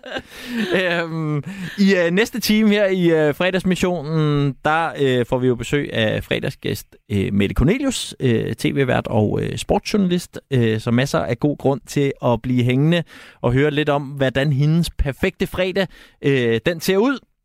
Men inden vi når øh, så langt her på kanalen, så skal vi selvfølgelig have en gang øh, dukfriske nyheder, øh, som øh, kommer her. Øh, lige øh, samtidig med, at jeg kigger op og også ser, at øh, det jo også nærmer sig en spændende afgørelse i turen. Den lover jeg også at holde et øje på. Du lytter til Radio 4. Velkommen til fredagsmissionen. I dag med Tue Bledel. Ganske korrekt, så er det her fredagsmissionen programmet, hvor vi gør alt i vores magt for at hjælpe dig med ligesom at ryste arbejdsugen af dig og komme godt i gang med weekenden. Er du en af dem, der måske allerede er gået på øh, sommerferie, så kommer programmet her, øh, er jeg ret sikker på, til at matche det gode, men afslappet feriehumør rigtig fint. Øh, lige om lidt, der får vi blandt andet besøg af vores øh, fredagsgæst, som er tv-vært og mor til tre, bare for at nævne et par ting. Mit navn er øh, Tubledel. Jeg vikarierer for den øh, gode Anders Hagen, der er gået på sommerferie. Men hvis du ligesom jeg savner øh, Anders i min radio, så kan jeg varmt anbefale den øh, lidt anderledes historiepodcast, som han er aktuel med lige nu her på kanalen, som øh, har titlen Det var en anden tid. I kan lige få en, øh, en lille teaser for det her, øh, et lille klip med, øh, med Anders i forhold til øh, den her podcast. Jeg hedder Anders Hagen, og jeg holder umanerligt meget af Danmarks historien. Siden jeg var et lille barn, så er jeg blevet slæbt med på støde museer og er blevet hørt i kongerækker og hvornår danske kirker er blevet bygget. Men i det her program, der har jeg fundet ni fortællinger, der alle sammen har det til fælles, at det er øjeblikke fra en ikke så fjern Danmarks historie, som jeg tror, du, ligesom jeg, vil blive overrasket over, er fundet sted for så få år siden. Du lytter til fredagsmissionen på Radio 4. Og har du øh, lyst til lige at øh, få lidt Anders Hagen og øh, dykke ned i de her lidt øh, oversete øh, kapitler i Danmarks historie, så er det altså bare at hoppe ind på din Radio 4-app, eller der, hvor du finder din podcast, og så finde podcastserien. Øh, det var en anden tid. Der er virkelig masser af god lytte øh, øjeblikke at komme efter der. SMS'en står også åben i den her time. Øh, det er som altid 1424. Du skal sende din øh, besked til. Jeg vil rigtig gerne høre, hvordan dine fredagsplaner ser ud sådan en fredag her i juli. Øh, er du på ferie? Er du bare på vej på weekend? Uanset hvad, så lad mig lige høre, hvad sådan en, en fredag aften den byder på for dig. Det bringer mig altid i godt humør at høre. Det er på 1424. Men allerførst, så skal vi jo altså til den her uges fredagsgæst. Du lytter til fredagsmissionen på Radio 4. Mette Cornelius, velkommen i studiet. Tak, du. Øh, TV-vært, sportsjournalist på Warner Brothers Discovery, hvor du jo hovedsageligt dækker fodbold og tennis. Derudover har jeg noteret mig mor til tre for nylig medvirkende og vinder i uh, tv-programmet Jade Vildt. ja, det er rigtigt. Den går også på CV'et, tænker ja, jeg. Ja, ja, det bliver den nødt til. og øh, det er jo et program, der handler om at undgå politiet. Ja. Øh... Og det har jeg jo fundet ud af, at jeg er sindssygt god til. ja. men, det, men det regnede jeg faktisk også med, at jeg var. Så Bygger det på måde... erfaring tidligere i livet? Har, har du nogensinde øh, begået noget ulovligt? Ja, det ved jeg ikke, om vi behøver at gå nærmere ind i, men måske mere den der følelse af at være god til at finde smutveje og genveje og, øh, og lige øh, finde kreative løsninger på de ting, der dukker op, synes jeg altid, jeg har været god til. Så derfor havde jeg en fornemmelse af, at øh, jeg ville være mega god til det der program. Og hvordan var det så? Og, og, og hvornår glemte man, at det var et tv-program, og ligesom tænkte, fuck, de må bare ikke finde mig? Altså, Øh. altså, jeg glemte det jo hele tiden. Altså, jeg er jo sådan en, der lever mig ekstremt meget ind i ting, og, og øh, går øh, minimum 100% ind i, i de projekter, jeg nu kaster mig ud i. Så for mig var det jo fuldstændig virkelighed. Øh, Mohammed, min makker, var meget mere, øh, Nå, nu er det tv, nå, nu kan jeg lige, nå, nu er det... Øh, nu er der ikke noget kamera på mig, så gør jeg noget andet. Han er totalt vant til at lave tv, og det er jeg også, men slet ikke på den måde, jo, Mhm. hvor jeg ligesom er, øh, jeg, jeg plejer at være den, der formidler, og hvad kan man sige, sætter hovedpersonerne i scenen, men det her med at være en af dem, det er jeg jo ikke vant til, så så det var, øh, det var sådan lidt skizofrent. Altså, jeg drømte også om det om natten, og kunne sove ikke, og vågnede helt smadret næsten morgen, hvor Mohammed, han havde bare sovet. Så hvad øh, til mig og lytterne, øh, når vi skal udleve vores dark side på et eller andet tidspunkt, hvad er så det bedste råd, du kan give os, når det handler om at øh, undgå øh, politiet? Åh, oh, det synes jeg er svært at svare på. Øh, jeg vil ønske, at jeg selv havde været bedre til at bevare roen, mm. øh, og ikke øh, blive alt for topstresset. Omvendt tror jeg også, det var den adrenalin, adrenalin der ligesom øh, piskede mig videre hele tiden. Så øh, jeg ved ikke, om jeg har et godt råd andet end øh, at, være, øh, at være kreativ og være på forkant øh, konstant. Øh, problemet er bare, at jeg hele tiden har 10 idéer til, hvordan vi kan løse noget. Og så, så ja, måske en eller anden form for fokus, hvis man øh, kan det. Så tror jeg, at man er lidt mindre stresset, end jeg var undervejs. Jeg ved heller ikke, om det går under kategorien public service og give øh, kriminelle råd i radioen, så det passer måske meget fint, at vi lige lægger lov på den. Øh, det var så noget af det seneste, den har stået på for dig, også noget tennis. Hvad med her, når jeg ved, at din sommerferie, den er faktisk ved at lage mod enden. Øh, hvad er det så rent fagligt, den står på? Ja, jeg kører sidste sommerferie weekend øh, nu her. Øh, håber, at vejrguderne eller vejrudsigterne taler falsk. øh, for næste uge, så starter Superligaen jo igen. Øh, og så, øh, og ja, du løfter øjenbrynene, for det lyder som om, det er lige hurtigt, den kommer i gang. Men det er faktisk en uge senere, end det plejer, så øh, vi plejer allerede for længst at være i gang. Um, og jeg tror, der er mange, der sidder og tripper derude for gerne at vil i gang med Superliga igen efter den her pause. Og er du en af dem, eller kunne du godt lige have brugt det nu mere? Uh, både og vil jeg sige, jeg kunne godt lige have brugt lidt mere fedt vejr, fordi der har været ret meget af det der sjask. Ja. Uh, så, så den del vil jeg gerne lige have lidt mere med, men jeg har det også sådan, at når, øh, når savsmulden begynder, når jeg kan dufte, at det nærmer sig, så, øh, så ryger jeg også i det mode igen, men jeg har været virkelig nede i, øh, altså helt nede og, øh, og være tilbagelænet i, øh, i 3-4 uger nu. Um, så jeg skal lige op i gear, men, øh, men det kommer jeg lige så snart, der bliver fløjtet op til. Ja, for Superligaen er jo en af dine babyer. Altså jo en, som du, jeg har hørt dig omtale flere gange, som sådan en, en, en drøm, der har stået klar for dig ret tidligt i livet, at det Mm. var noget, du rigtig gerne ville dække. Mm. Øhm, hvad, hvordan kan det være, at Superligaen har så høj en plads sådan i dit faglige øh, hjerte og, og hjerne? Altså man kunne jo sige Champions League og alt muligt andet, Premier League, der, du ved, det er højere niveau, flere penge, flere tilskuere og sådan noget. Hvorfor, hvorfor rangerer Superligaen så højt for dig? Jamen, det er, jo, det er jo i virkeligheden super svært at forklare, fordi det er en følelsesting, så jeg kan jo ikke engang, øh, jeg kan jo ikke engang sådan rent øh, akademisk forklare, hvorfor det hænger sådan sammen, men jeg tror, at for mig er sport følelser, øh, og dansk sport genererer sjovt nok øh, større følelser hos mig, end øh, hvad Ronaldo eller Messi render og laver ude på de store øh, verdensscener. Øh, fordi jeg kan identificere mig øh, med Superligaen. Jeg kan komme ud og mærke den, øh, duften, øh, høre den, øh, leve den. Øh, så, øh, og snakke med aktørerne, altså blive klogere.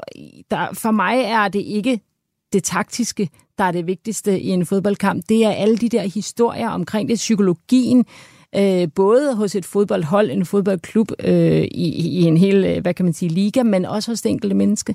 Og det kan jeg bare komme så meget tættere på øh, i Superligaen, end jeg ville kunne i nogle andre turneringer. Det har altid, Superliga og øh, fodboldlandsholdet har bare altid været mit hjerteblod, og nu siger du mit faglige hjerte. Det er jo i virkeligheden, fordi det ligger rigtig, rigtig dybt i mit personlige hjerte. Mm. Jeg har så bare været så heldig, at, jeg har, at det også kunne øh, gøres til et arbejde. Er det her programmet, hvor du afslører, hvem du holder med?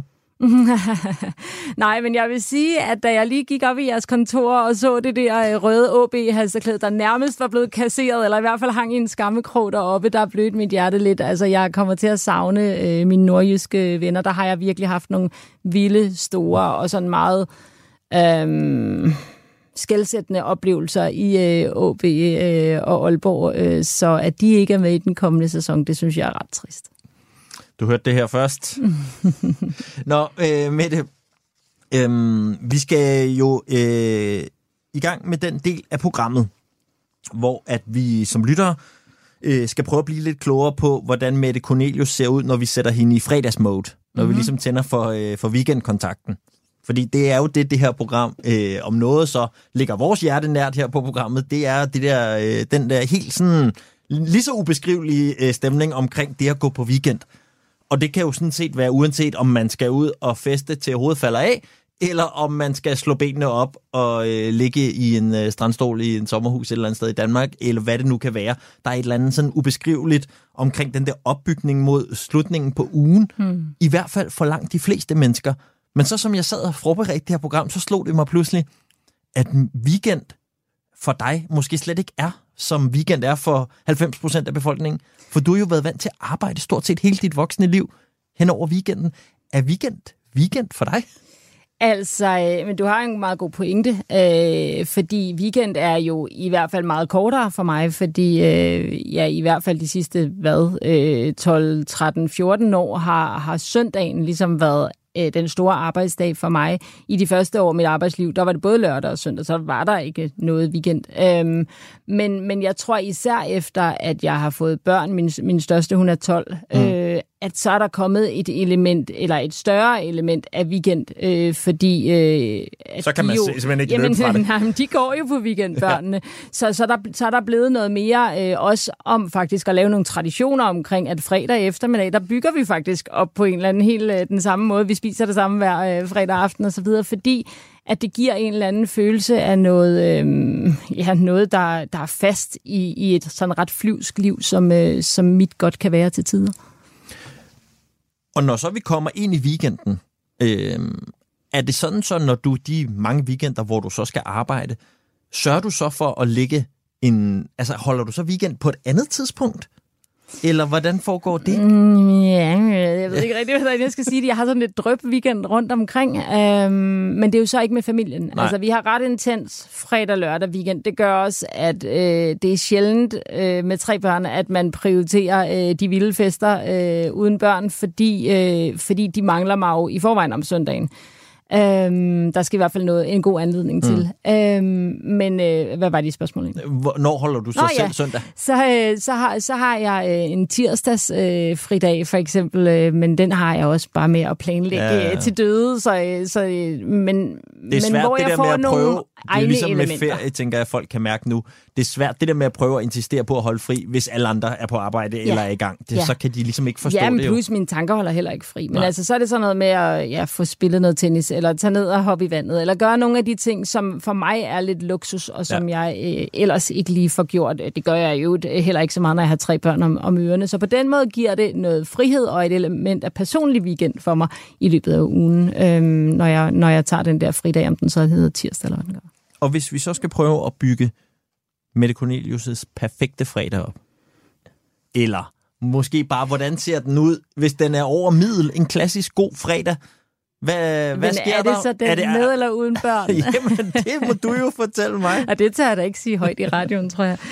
Øhm, altså... Øh, Vi kan jo starte den med børn. Den, som jeg tænker 9 Ja, ud af 10 okay, men det er den- ja, Hvordan, præcis. du siger, det er planlagt, og Ja, hvad, jamen, der skal, hvad ligger, sker der? Der ligger et fast mønster øh, fredag eftermiddag, når alle er dumpet ind. Min store datter, hun går i klub, så hun nogle gange kommer hun senere og så videre. Men det er noget med, at så... Øh, nu forestiller jeg mig, at det altid Mhm. er solskin og varmt, ikke? Sådan.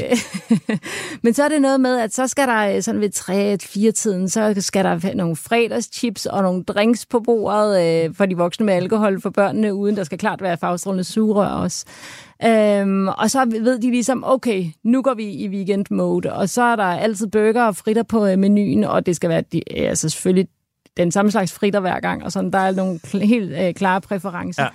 Øhm, og så, øh, ja, så Og hvad er der der i voksenklassene? Tam, tam og alt det der.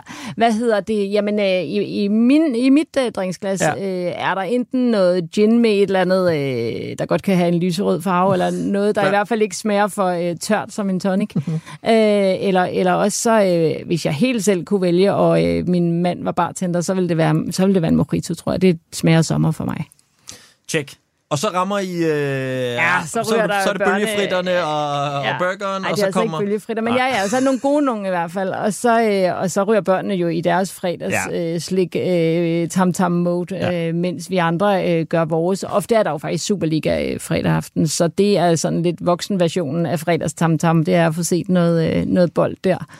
Øhm, og så, jamen, så bliver det jo ikke så skidefestligt. Jo, det allerbedste er selvfølgelig, hvis der så er venner øh, på besøg, der har nogenlunde jævnaldrende børn, hvor børnene det spiller bare for dem, ikke? og de ser deres hinanden. ting sammen. Ja, og vi andre kan faktisk øh, få nogle gode snakke, drikke nogle øh, drinks, måske gå over i vin og så videre. Øhm, og, øh, og hvis vejret ellers ville, så skulle vi selvfølgelig også grille og alt det der.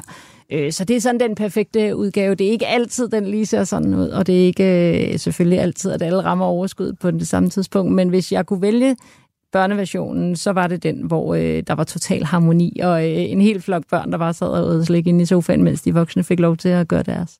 Og her kommer så alle forældres våde drøm. Nu fjerner vi børnene med et knips. og så tænker Jeg du... troede, du ville sige, at de falder i søvn, uden man behøver at putte dem ind i det er sofaen. også en mulighed. Nej, så tænker du tilbage på øh, den seneste sådan, øh, om det lige har været en fredag, men sådan øh, bytur, du har haft, øh, som har været rigtig, rigtig god. Hvad for en står klar i, øh, i hukommelsen, hvis du... Øh, Mm, Jeg tror faktisk, at den perfekte fredag aften for mig uden børn er egentlig ikke en, der er så super planlagt, og det er heller ikke en specifik. Det er når øh, sådan en sommer her, hvor man, man, må, ma- man må faktisk meget gerne have været på arbejde, fordi mm. jeg savner faktisk det der element af fredagsbar, som jeg havde dengang, jeg havde et rigtigt arbejdsliv. I dag der er folk sådan gået lidt tidligere på weekend, fordi de jo har arbejdet om søndagen. Men det er det der med, at man bare rykker ud, og det er lækkert vejr, skal vi ikke lige blive hængende, drikke nogle øl, øh, der, det bliver til drinks eller et eller andet, og så at man lige så stille bygger op og rykker videre, og, og så de timer, der måske skulle have været en time, de er bare ligesom blevet til, og gud, klokken er 22 om aftenen, jeg har glemt at spise aftensmad, lad os lige tage en kebab, øh, og så at det bare fortsætter, og så ender man et eller andet sted på et lille værtshus med bordfodbold og, og flaskeøl. Ikke noget røg helst. Øhm, det er svært, den kombi. Øhm, men, men det er sådan den perfekte øh, fredag aften for mig. En, der ikke skulle have været, men, men bliver det. Der, det er der for mig, at magien opstår.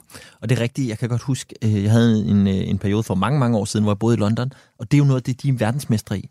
Det der med at bare sådan, øh, så lidt som en selvfølge, øh, i hvert fald tre ud af, af fem dage øh, i ugen, og bare efter arbejde lige trille ned på øh, poppen, og så er der nogen, der bliver hængende, nogen ja. drysser fra, og Ja. nogen kommer og støder til. Ja, og, og det var bare et andet liv dengang, der Ja. ikke var børn i ens liv. Ikke? Fordi jo. der kunne man det der, nu vil jeg så sige, det hjælper heller ikke, at min arbejdsplads ligger ude i et industrikvarter i uh, Herlev.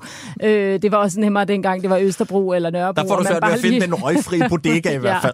Ja. Øh, og når man sætter sig ved bænkebordet, så er der ikke så mange andre, der kommer øh, forbi. Men, men dengang øh, vi alle sammen var uden børn, og ens kollegaer i øvrigt også var det, der, det var bare sådan lidt det der laid back øh, liv, hvor man bare flød med, og det savner jeg. Og hvis jeg kunne vælge lige at øh, hoppe ind i en tidszone, så ville det være den, hvor man bare ja, gik efter sin egen mavefornemmelse og ikke skulle kigge på, hvad klokken var, eller om der var kommet en sms fra, øh, fra et barn derhjemme eller eller andet. Men der er det jo bare lige at holde vejret. Det taler jeg meget med min kæreste om. En cirka i dit tilfælde, og vi har nogenlunde jævnaldrende børn, sådan Ja. lige en, en 10 år endnu. Ja, og så så, er de jo selvkørende, tilbage. ikke? Jo, jo. Så kommer det tilbage. Satser vi på Så i hvert håber fald. vi på, at øh, de nye unge år, det er 60'erne og sådan noget. Ja, præcis. Du lytter til fredagsmissionen på Radio 4.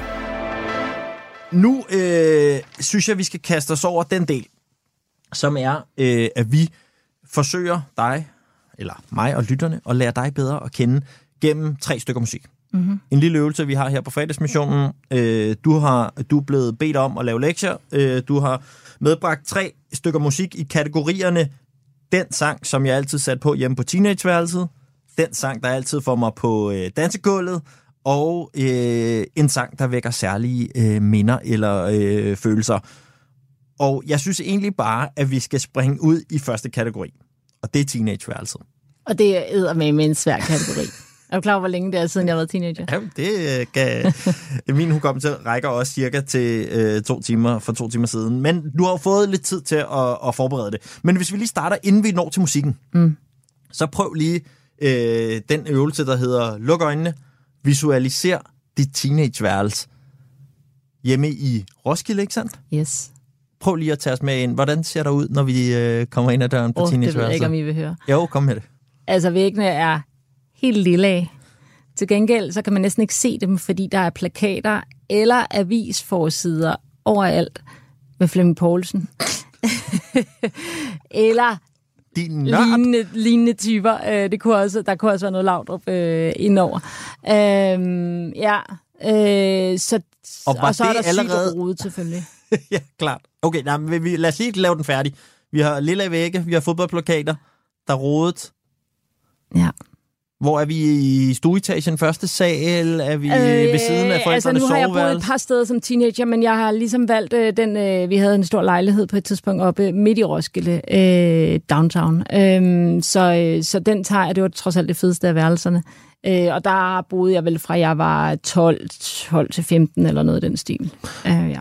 Og de her fodboldplakater, øh, altså er vi i kategorien øh, lækre fodboldspillere, eller er, var du allerede der bare rendyrket på det sportslige, og det var din helte på banen, der hang der? Øh, ja, ja, klart. Ja. Øh, nej, det var ikke lækkert. Altså, første gang, jeg havde en veninde med ind og se en fodboldkamp, og det er som voksen, som sagde et eller andet med en spillers lov, så var jeg sådan, det var mens jeg arbejdede med det, så jeg sådan, det har jeg aldrig tænkt over. Du sidder At det kom efter helt, at Det kom helt bag på mig, at man kunne sidde og holde øje med nogle lov på en fodboldbane. Så det har ikke været det. Altså, jeg elskede Flemming Poulsen, øh, og det, det er jo tilbage fra, dejlig to, mand. det er jo tilbage fra 92, øh, hvor han var så god til at græde, og jeg kan jo godt lide følelser, så jeg tror, det også er appelleret til mig, øh, og så hans tyggegummi måske.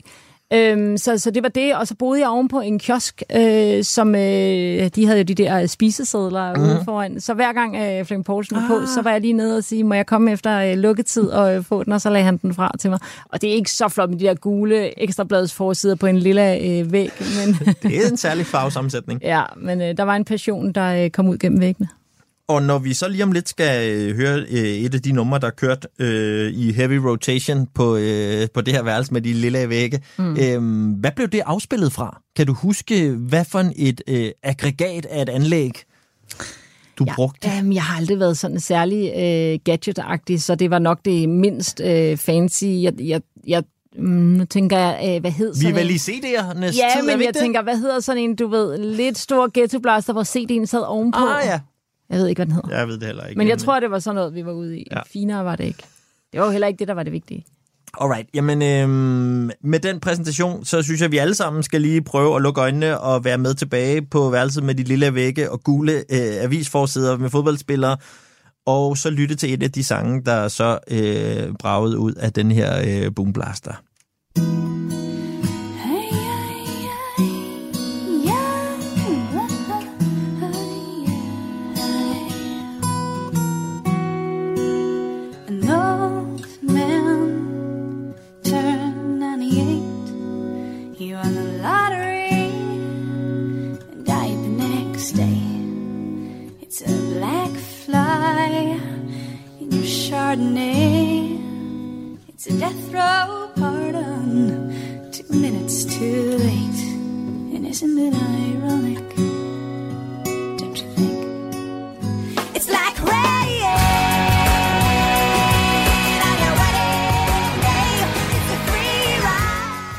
Alanis Morissette Der var jeg og meget Ironic. tæt på at synge med, da omkvædet kom. Det er virkelig svært at holde Ej, hvor vil jeg dog ønske, du havde gjort det. jeg holdt mig selv. Nå, men jeg skruer op næste gang, øh, og jeg kan høre, at kommer og presser sig på. Så vil vi se, så giver du den bare gas.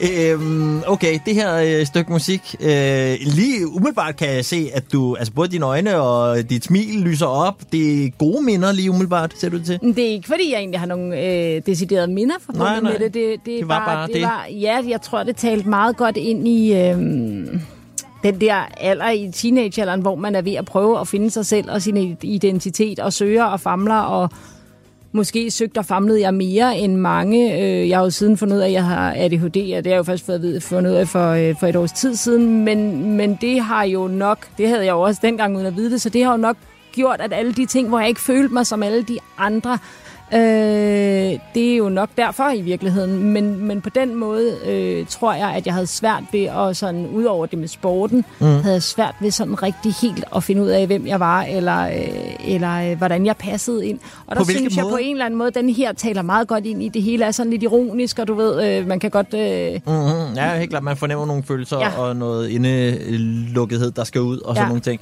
Men hvordan siger du det der med, at, at du følte dengang, at du ligesom var anderledes, eller stak ud? Hvor, Jeg kunne for eksempel, skete- slet, kunne du jamen, jeg mærke kunne det? for eksempel slet ikke være i sådan nogle pigefællesskaber, fordi der var så mange usagte ting, der foregik i forhold til at hænge med drengene og se fodbold og spille kort i frikvartererne. Altså, den vej gik jeg bare øh, i, hvad ved jeg, i 6. 7. klasse eller sådan noget, fordi jeg kunne slet ikke gennemskue, hvordan øh, man kunne være gode venner med nogen den ene dag, og næste dag, så var de sure, når man kom i skole, og- og man havde ikke set hinanden. Der var jo ikke mobiltelefoner. Der var ligesom ikke noget, der kunne være sket. Mm-hmm.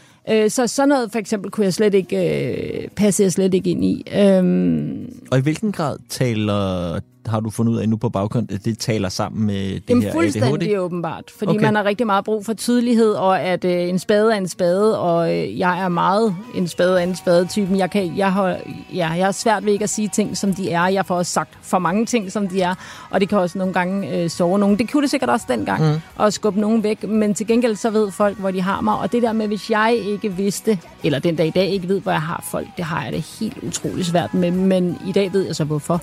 Det gjorde jeg jo ikke dengang. Øhm, så øh, så jeg, jeg, jeg tror, jeg øh, trak mig ret meget fra fællesskaber og øh, søgte hjem på det der værelse, hvor Flemming Poulsen trods alt hang på væggene, og øh, Alanis, hun kunne, øh, hun kunne skrige lidt i øh, højtaleren. Var det så en svær tid?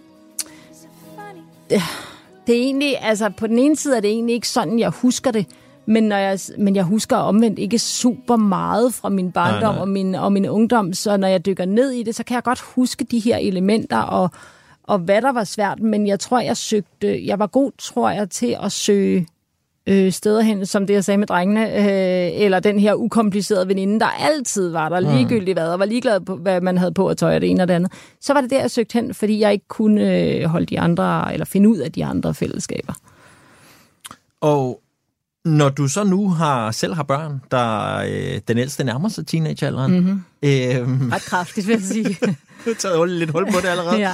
Måske øh, er der så noget af, af, af dine egne erfaringer, og, øh, og når du sidder og tænker tilbage på din egen teenage-tid, der, der ligesom væbner dig, synes du, til hvordan du skal gribe det an?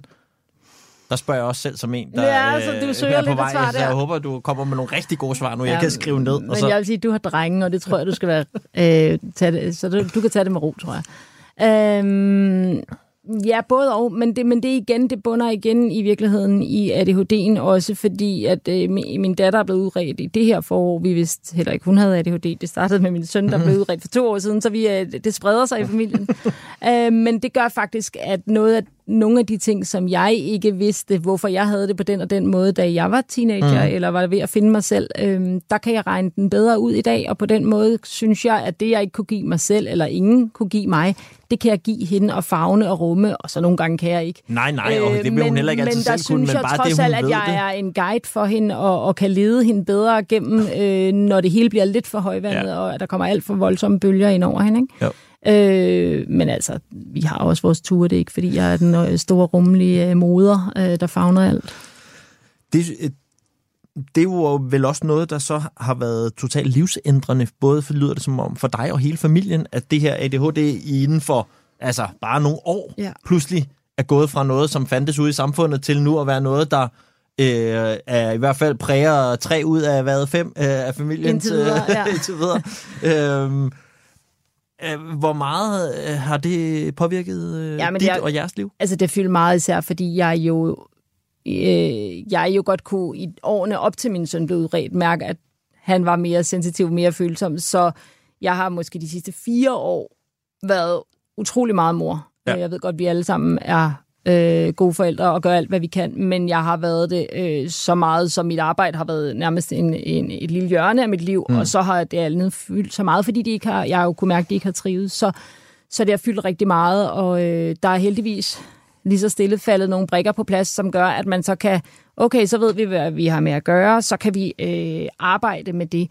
Men der er, der er jo hele tiden nye ting, man støder ind i. Så bliver de lige det ældre, det ved vi alle sammen. Så kan de det, så, kan, så kommer de ud i den her situation, de nu skal stå for. Men så står vi igen og skal finde ud af, hvordan gør vi det så på en måde, hvor min søn eller min datter kan, øh, kan, øh, hvad kan man sige, føle, at de er ligesom alle de andre, selvom de godt kan mærke, det er de alligevel ikke, men så de kan øh, lave de samme ting. Øh, heldigvis er de begge to sådan i en mildere grad, og så er det ikke fordi, øh, at de ikke kan fungere i tilværelsen. Det kan de godt, men nogle gange, øh, jeg skal være den, der, øh, der lukker ned og skærmer dem og, og vurderer, hvad kan du, hvad kan du ikke, hvordan kan du det, hvad gør vi, så du også føler, du er med, men så du stadig øh, passer på dig selv og sådan noget. Så, Så når- det er en kæmpe læringsproces, vi er i gang med. Altså, det burde være en uddannelse i sig selv, det Ja, lige nu. og når nogen stemmer lige nu i samfundet, så øh, turnerer med den her, der hedder, vi har alt for travlt med at diagnostisere, vi langer for mange diagnoser, der lyder det som om, at i jeres tilfælde, der øh, er det, har det været tiltrængt og givet værktøjer og givet konkrete ting, der gør, at det har været en gavn mere, end det på nogen måde har været og givet andet. en kæmpe ro, og det betyder ikke, at vi bare har ro og harmoni nu, men det, at du ved, hvad du har med at gøre, og du kan søge information, og du kan blive klogere på det, gør så meget mere, end at du bare kan mærke, at et eller andet ikke er, som det er over hos naboen eller i Mm. resten af klassen.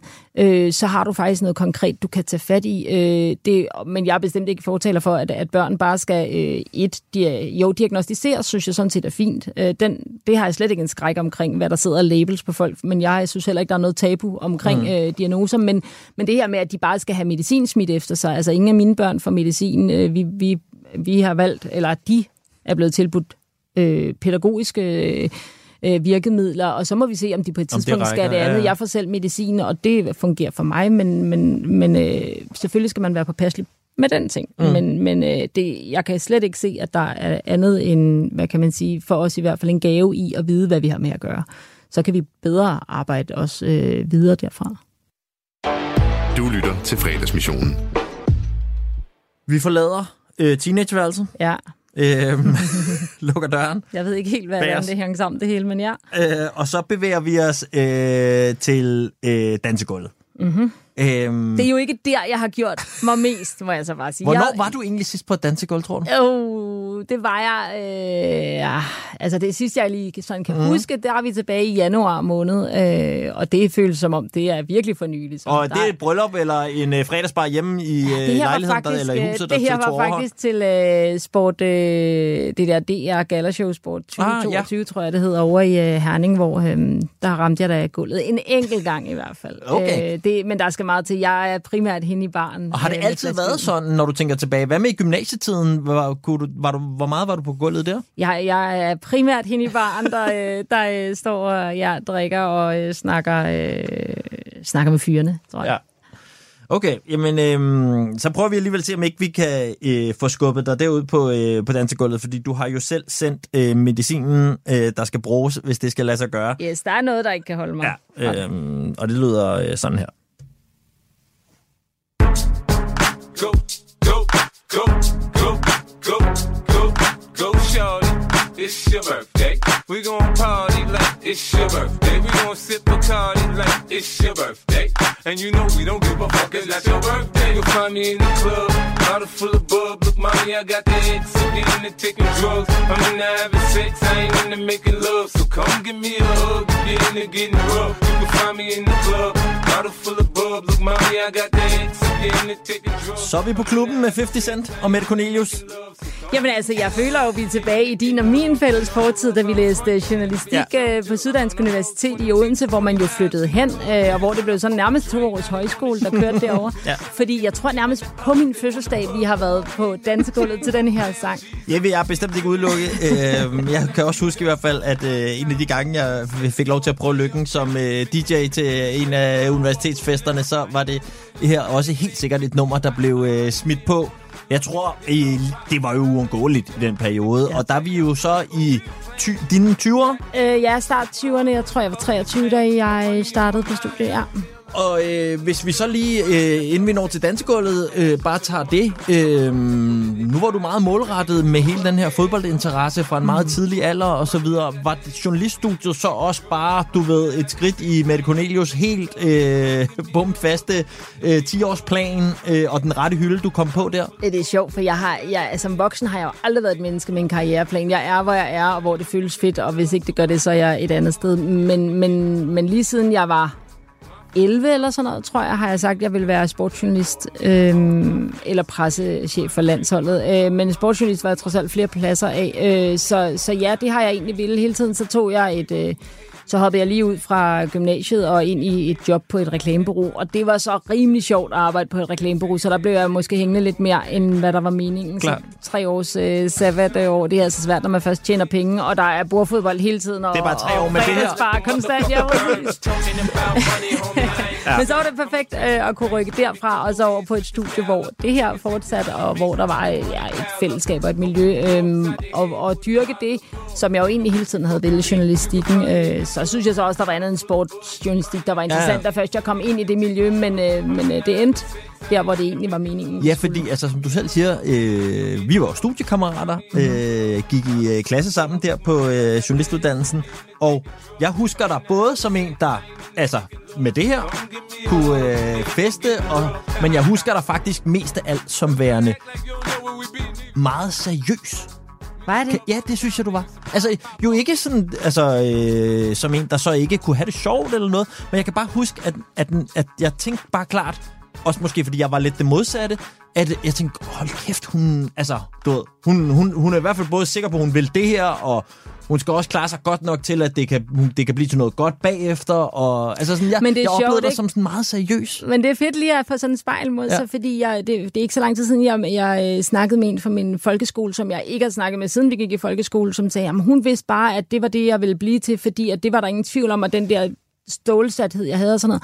Og sådan har jeg slet ikke haft det selv. Altså heller ikke øh, universitetet. Jeg føler nærmere, at jeg kæmpede for at hænge i. Øh, jeg, Men det jeg, var vel også, fordi du sammenlignede dig opad, ikke? Meget Ja, jeg, med hæng, de bedste, jeg, jeg, for jeg hang sammen med en gruppe piger, som var sygt dygtige. Vi har gået med Puk Damsgaard og sådan nogle typer. Ikke? Så Ja, hvis typer, man- der er sådan, når vi andre skulle skrive vores første stil, som blev om et eller andet nede ja. øh, med kioskejeren rundt om hjørnet, så tog hun til Afghanistan. Ja, præcis. Ja. Altså, så, så, øh, men, men jeg fandt også ud af, at, øh, at det var på et universitet, hvor der også var akademiske fag, og, øh, og det er jo så der igen, vi er tilbage til min ADHD-hjerne, mm. jeg ikke har kendt. Jeg kunne slet ikke, jeg forstod ikke, hvad der blev sagt øh, på, i de akademiske fag, fordi jeg er sådan en meget konkret menneske. Øh, derfor var det også journalist, jeg skulle være. Jeg skulle ikke være et eller andet kant mærke, som jeg ikke vidste, hvad var. Mm. Øh, journalistik vidste jeg, hvad var, og det var håndgribelig historie at snakke med mennesker. Men det der med, når det blev nationaløkonomi, eller jeg sidder og siger vores skrækscenarie, jeg ved det godt, eller, eller øh, jeg kan ikke engang huske sociologi og sådan nogle ting. Det var øh, på et niveau, hvor jeg slet ikke kunne være med. Så det krævede også, at jeg virkelig, altså jeg føler også, at jeg virkelig bed tænderne sammen de to år derovre. Fordi, Ja, for det trives du heller ikke i, vel? Nej. Og at du ikke kan det. Nej, nej, præcis. Øh, jeg kan ikke være ligeglad. Nej. Øh, apropos 100 procent. Øh, men øh, men det, var, det var hårdt. Men, men der var heldigvis igen, der var de her perioder, hvor vi kunne ryge på dansegulvet, og den del var også så øh, gav så meget, at, at man også havde kræfter til at, at stå igennem øh, ugerne, fordi de var lange, og dagene var lange, og øh, der var meget læsning på øh, nogle gange på engelsk i et fag, jeg intet fattet af. Næste gang du ryger på dansegulvet, hvornår tror du, det bliver? Og hvad vil det skulle være i dag? Er det stadig 50 Cent, der kan gøre det? at det kan i hvert fald gøre det. Øh, altså, sidst jeg var, det var faktisk til øh, Tobias Rahims øh, stor mand, som, øh, som har et eller andet Ja, i sig også, det som gør også det svært at sidde stille. Ja, præcis. Øh, selvom øh, der kan være god snak i barn, ikke? Øhm, så, så der er stadig noget, der kan få mig derud, men der skal en del til, og så skal stemningen være den helt rigtig, og jeg skal også have fået tilpas meget at drikke, fordi igen, så kommer der sådan en usikkerhed. Jeg kan ikke finde ud af at danse, jeg skal ikke derud, hvis ikke... Øh, altså, Ah, men så vender den usikkerhed ryger lidt, når vi har drukket. Sådan er det jo. Ja. Øh, Så kan man, måde. det er som om, der kommer nogle moves, man... Øh, Ja, ja. der er mange dårlige ting at sige om alkohol, men, men de få gode ting, der er, øh, der er det der i hvert fald helt klart en af dem. Ja. Du lytter til fredagsmissionen. Okay, godt med det. Vi har jo et stykke musik mere, øh, Mhm. vi skal omkring. Øh, og det er den sang, som du har valgt, der vækker nogle helt særlige følelser eller øh, minder hos dig. Så jeg tænker, nu sætter vi den lige på, hører lidt, så får du lov til lige at genkalde de minder og følelser, og så øh, spørger jeg til dem, når vi har lyttet lidt af Coldplay med Fix You. thank you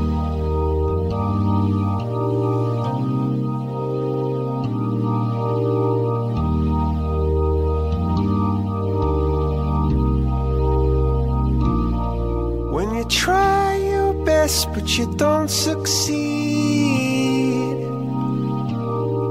When you get what you want but not what you need. When you feel so tired but you can't sleep. Stuck in rivers.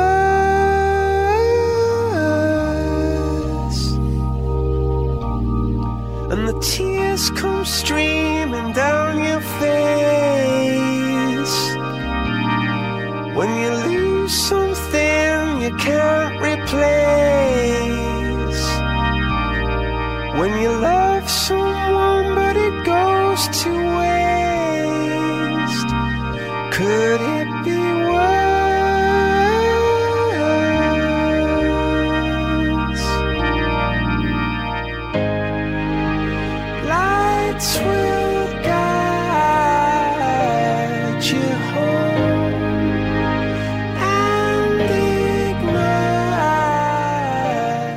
Hvor flyver øh, tankerne hen? Ja, først tilbage til parken i sidste uge, hvor de spillede den som en af deres sidste sange til en vanvittig fed koncert. Men, men jeg sad og tænkte over det, da jeg kørte herind. Hvad er det ved den? For den har talt til mig altid. Øhm, altså sådan, den går sådan helt ind i mine ja, knogler. Øh, og, og jeg tror, det handler om, for mig handler den om øh, min egen utilstrækkelighed. Mm. Øh, denne her med gerne, især faktisk i mit moderskab, men også i nogle af de ting, vi lige har snakket om. Den der følelse af, at man kæmper og kæmper, men man kan ikke helt. Øh, og især i det her moderskab, hvor mine børn har kæmpet med ting, som jeg prøver at løse det. Jeg prøver hele tiden, men jeg kan bare aldrig helt løse Nej. tingene. Øh, så der ligger sådan, ja, følelsen af utilstrækkelighed, men også følelsen af virkelig at ville gøre alt, hvad man kan. Øh, som er jo bare et vilkår, øh, når du er menneske, at, at du kan ikke løse det hele. Men nu siger du bare et vilkår, når, når du har været ramt af den følelse allerhårdest. Hvordan føles det så? øh, sygt hårdt. Altså, så, øh, så, så, øh, så, så, altså min hjerne øh, eksploderer, skulle jeg til at sige. Det gør den ikke. Den bliver nærmere sådan nedbrudt, og jeg kan være simpelthen så ked af det, øh, når jeg ikke er lykkedes med noget, typisk i forhold til øh, børnene. Altså, jeg var også øh, den, der kunne sidde og skulle skrive stil øh, i gymnasiet, altså, og jeg kunne ikke jeg kunne ikke knække koden, og sad og græd søndag aften, og var helt øh, til rotterne. Og så endte det alligevel med, at øh, jeg fik løst det. Øh, men jeg har, jeg har, åh, jeg skal igennem nogle øh, hårde følelser, før jeg kommer ud på den anden side. Men jeg kommer altid på den anden side. Og det er lidt den der jade vildt, vi startede med. Den der med, at jeg finder altid en løsning på tingene. Jeg, min, hvis der er noget, min hjerne er sygt dygtig til, som er en superkraft ved Ja, den der ADHD hos mig i hvert fald, så er det at finde løsninger, når jeg står i en situation. Til gengæld kan du ikke acceptere, når du ikke kan finde den. Nej, det, det har jeg rigtig, rigtig Så- svært ved. Og det kan man jo det. ikke følelsesmæssigt. Jeg kan jo ikke løse mit barns issue. Jeg kan hjælpe, jeg kan guide, jeg kan gøre alt, hvad jeg kan. Men jeg kan jo ikke løse det, og i morgen er der nok en ny udfordring, vi står overfor. Men det er sjovt, du siger det der med, fordi at øh, det der med, når, når børnene kommer til, så overtager de ligesom meget af den der bekymring, man har lagt alle mulige andre steder. Mm. Altså sådan har det i hvert fald været for mig, at, at måske de øh, følelser, man kunne have haft omkring utilstrækkelighed i forhold til at opnå noget karrieremæssigt, de svinder pludselig lidt hen. Fordi så er der noget andet større, der ligesom fylder mere, og så kan man, har jeg i hvert fald oplevet, at kunne slappe meget mere af i det Mm. mm. andet. Øh, er det også sådan for dig, eller er det over en bred palette, at den der utilstrækkelighed stadig sådan lidt hjemsøger dig?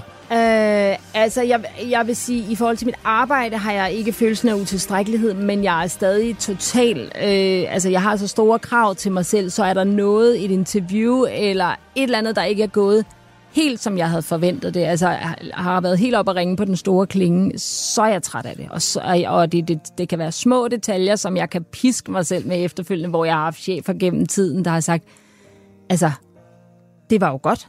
Prøv at fokusere på, hvor godt det faktisk var. Og jeg sidder stadig og roder i den der lille irriterende ting, som ikke lige gik, som jeg mente at have regnet ud, den ville kunne gå, hvis jeg gjorde det øh, ja, optimalt. Ikke? Så kommer der her et svært spørgsmål. Hvad er noget af det, du har præsteret fagligt, som du er allermest stolt af? Mm, det er jo svært. Åh, oh, det var svært. Nu trækker du mig over et helt andet sted hen.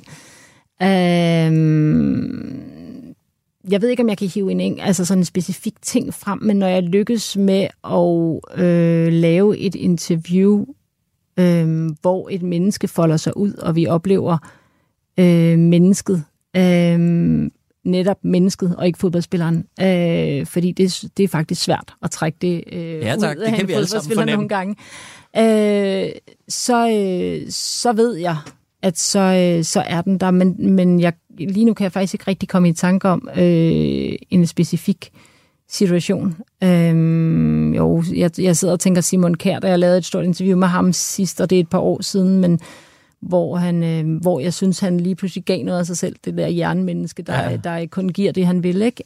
Øh, men, men en gang imellem, så rammer man den der, hvor man ved, okay, nu kom der noget magi. Og det er hele tiden det, jeg søger i mit arbejde. Der skal, være, der skal opstå et magisk moment. Du lytter til fredagsmissionen. Og så er vi nået til øh, det sidste, vi skal nå, inden at vi sender dig øh, afsted på en øh, fredag, der kommer til at indeholde, er det den klassiske opskrift, øh, burger, pomfritter og... Øh... Altså, det kan der ikke være nogen tvivl om, men vi er i sommerhus. Det er jo sidste så, sommerferie weekend, øh, så vi har været i sommerhus i en halvanden uges tid, og jeg elsker det der sommerhusliv. Men det er bare lige lidt federe, hvis man kan stole på vejret, og vejret er måske over 20 grader og ikke har nedbør i sig. Øh, så, så hvis hvis jeg selv kan vælge, så er det noget med øh, bål i haven. Øh, det, det, kan, det er det, sommerhusdelen også kan. Ja. En tur i havet. Øh, måske subbordet, hvis vandet er helt stille. Øh, og så selvfølgelig burger, fritter og øh, fredagslæg. Det er øh, uomtvisteligt. Og så lavet op til en øh, arbejds- og øh, Superliga-start, lyder det som om. Og det bringer os øh, egentlig øh, rigtig fint øh, ind i det sidste, vi skal tale om. Nemlig, øh, hvis vi lige skal prøve at, øh, at runde den her øh, sportsommer, som jo er i fuld gang, men stadig mangler noget, og, og kigge lidt frem mod, hvad der fylder. Både på øh, selvfølgelig på dit arbejdsspor, men også måske bare på, hvad der kommer til at øh, blive suget på fjernsynet. Øh, hvad er det for nogle ting, der øh, for dig er sådan noget, hvor du ved, altså, der skal godt nok være en, en vigtig børnefødselsdag for, at du ikke kommer til at sidde foran fjerneren til det. Altså, jeg vil sige, øh, det positive ved det vejr, vi kører for tiden, det er jo, at man faktisk godt kan tillade sig lige at sætte sig og se en, øh, en Wimbledon-kamp eller, eller en turetappe, øh, hvis den er spændende nok. For mig er, øh, vi går faktisk ind i en weekend, vi er faktisk allerede i gang med en, øh, en weekend, der byder på bjergetapper, øh, og der kan jeg godt, altså jeg er ikke sådan en, før i tiden så jeg, så jeg rigtig meget tur, inden jeg fik børn og sådan noget, men, men nu skal der de fede bjergetapper til, og hvis vi har noget Vingegård versus Pogacar, der ligger alene et sted, øh, så er jeg svært ved at gå væk fra skærmen. Så, øh, så sådan noget, øh, det synes jeg er fedt. Øh, de der dueller. Ja. Øh, og psykologi især, ikke? Når, jeg kan se, når jeg kan trække psykologi ind i tingene eller ud af tingene. Og så, øh, så, så klart også, øh, jeg vil gerne have haft Holger Rune med videre i øh, semifinalen, Mhm. men, øh, men der er nogle fede, øh, der er nogle fede spillere tilbage, så øh, så bliver i hvert fald hen over weekenden her noget Wimbledon også. Øhm, og så, øh, ja, transfer, øh, fodboldtransfers følger jeg jo med i. Altså, det er jo en ongoing øh, saga indtil øh, 1. september, ikke? Så Ja. den kører jo også hele sommeren. Øhm, og det er igen, det er Superligaen og de danske spillere, jeg holder øje med. Jeg er lidt ligeglad, hvad Ronaldo han, hvor han skal Og er du der er en af typerne.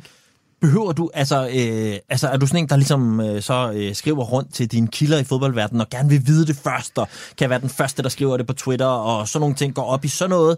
Øhm, eller er det bare mere i forhold til, så ved du, hvad du har med at gøre, når du skal dække Det er øh, egentlig mest i... bare sådan en interessedel, men så er der en gang imellem, at jeg, hvis den er tilpas stor, eller hvis der er sådan et eller andet, for eksempel da Brøndby skulle have ny øh, træner i, øh, i vinter, der, der havde jeg sådan, ah, der gad jeg måske godt lige selv, øh, jeg er slet ikke nok på nyhedsbeatet, vi laver jo ikke nyheder, Nej. så til at jeg kan tage de der daglige transfers med spillere, der skifter hister her, det er der nogen i medielandskabet, der er langt bedre til.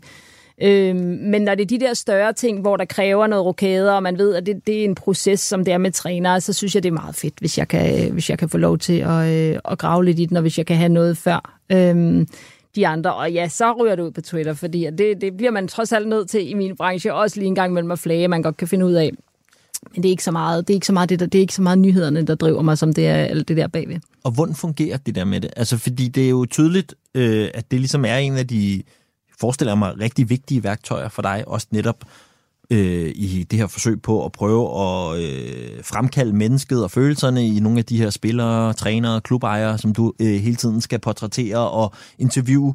Øh, og i det må jo ligge et kæmpe arbejde i ligesom at opnå, som i alle andre ting, når man gerne vil have folks tillid, så de kan åbne op, og bearbejde det og øh, holde en kontakt, også andet end bare lige når man aftaler og skal interviewe og sådan noget. Mm. Folk, øh, der aldrig har gjort det her, og sådan, de, de, er, det, er det sådan noget med at, at sidde og sms en søndag i sommerferien og sige, hej, jeg håber din sommer går godt. Ja, det gør den hos mig. Øhm, er der gang i noget sjovt på arbejde? Er det sådan noget med at fiske på den måde? Altså, det, eller det hvordan tror jeg helt det? sikkert, at nogen gør, og det kan jeg ikke finde ud af. Jeg har aldrig kunne finde ud af det der med at holde kontakt, bare for, hvad kan man sige, fordi jeg vil have noget ud af det på et tidspunkt. Det, så, så bliver det for overfladisk for, for mig. Så, det, så for mig har det været at bygge op gennem årene, at der er nogen, jeg har, du ved, de har fået mere og mere tillid til mig, fordi jeg behandler dem ordentligt. Mm. Vi har lavet gode interviews, haft gode snakke. Øhm, nu har jeg for eksempel her i sommerferien, jeg var, jeg var på Bornholm med min familie, og øh, jeg ved, Claus Steinlein har en, øh, hans kone har en strandbar derovre, som han har flere gange har sagt, jeg skulle besøge, men den har aldrig været åben, når vi har været der. Claus Steinlein, som Ja, er... undskyld, som er Midtjyllands direktør, så derfor så, øh, så denne her gang, så skrev jeg bare til ham på forhånd, er den åben i den øh, uge 26, når vi er der, så skrev han, nå, faktisk lige er åben, øh, to dage før I tager hjem. Kom lige forbi, så giver jeg brunch. Så det her med at øh, komme ned og sidde og snakke med, med nogle af de her aktører, øh, hvor det, vi snakker faktisk slet ikke fodbold, Nej, nej. men det er, hvor vi bare øh, snakker sammen som mennesker, og det kunne, man kan møde dem hvor som helst. Så, ja, i øvrigt, så tog jeg videre på hotel bagefter, og så var Kasper Julemand der, altså helt tilfældigt, ikke?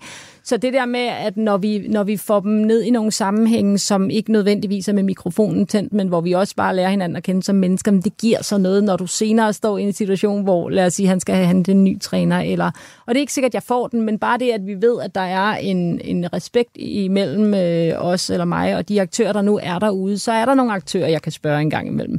Øh, og det kan lige så godt være, altså, trænere, de ved, hvor andre trænere skal hen, eller hvem det er, der er ved at få Mhm. et job et sted. Så jo flere af de her centrale store kilder eller nøglepersoner, du, du har gode forhold til i branchen, jamen jo mere kan du sådan en gang imellem, og især hvis du ikke du gør det særlig tit, fornemmer jeg, fordi det er jo ikke noget, jeg gør hver uge. Nej, nej. Tværtimod, øh, hvis jeg så spørger, når der rent faktisk er en eller anden grund til at spørge, men så kan jeg lige så stille, hvis jeg så hører det samme flere steder fra, men, så, kan jeg, øh, så kan jeg stykke noget sammen. Men ofte, min er den langsomme metode. Jeg synes også, det er den ordentlige, og jeg lever heller ikke af at skulle sælge nyheder. Nej, nej.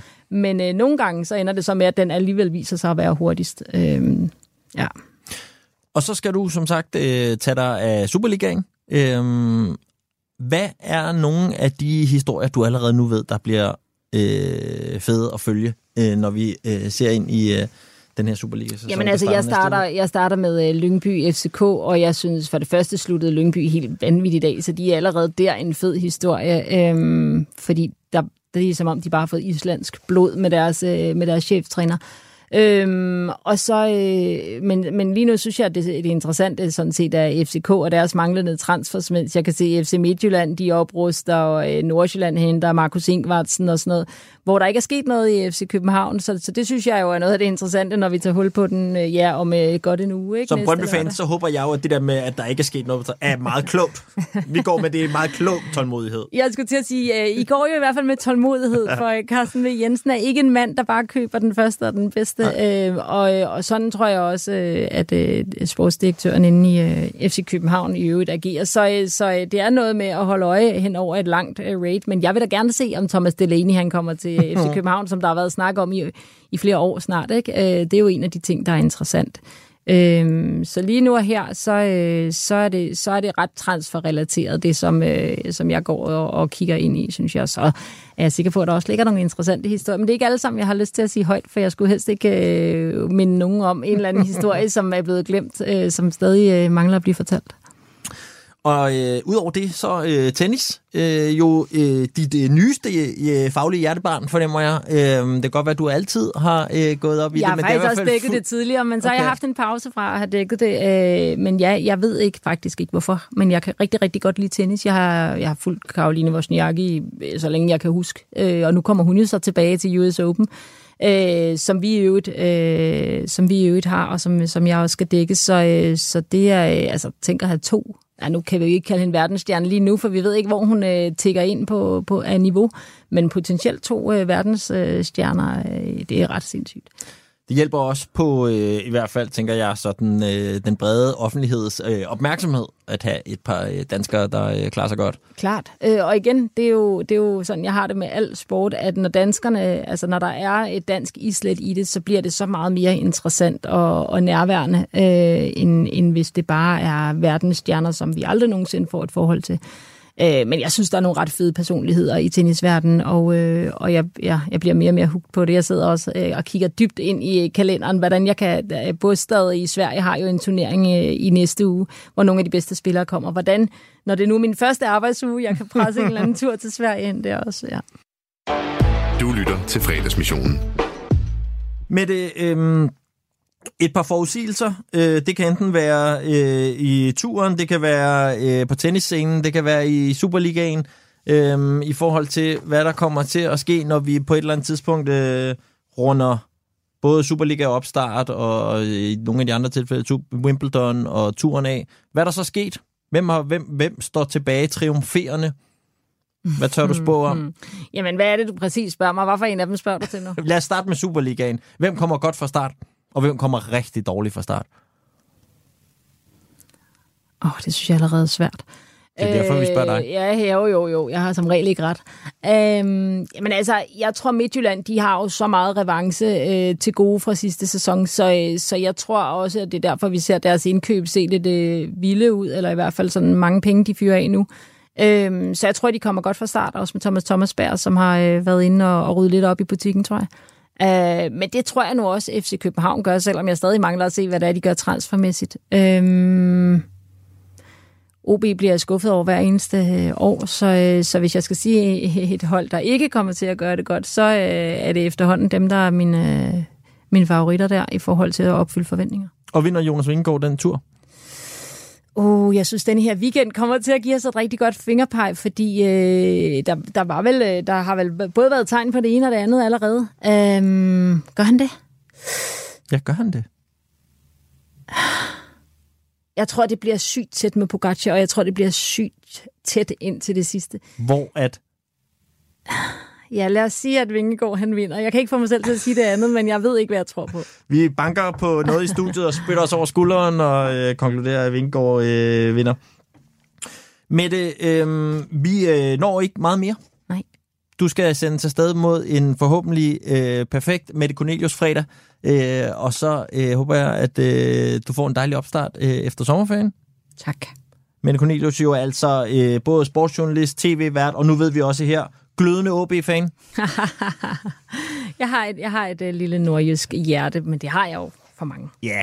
Øh, og det skal der også være øh, plads til, også i fodboldens verden. Mette, tusind tak for besøget. Selv tak. Det var en fornøjelse. Du lytter til fredagsmissionen på Radio 4. Ja, og i forhold til øh, forudsigelsen omkring, at det bliver rigtig, rigtig tæt i øh, turen med Jonas øh, så øh, vil jeg da sige, at øh, da jeg lige øh, før kastede et blik op på en tv-skærm, så synes jeg da også, at øh, øh, dagens etape, hvor de nærmer sig afslutningen, den øh, viser i hvert fald, øh, at det passer meget godt, at det bliver øh, virkelig, virkelig øh, tæt. Du har lyttet til en podcast fra Radio 4. Flere episoder i vores app, eller der, hvor du lytter til podcast. Radio 4 taler med Danmark.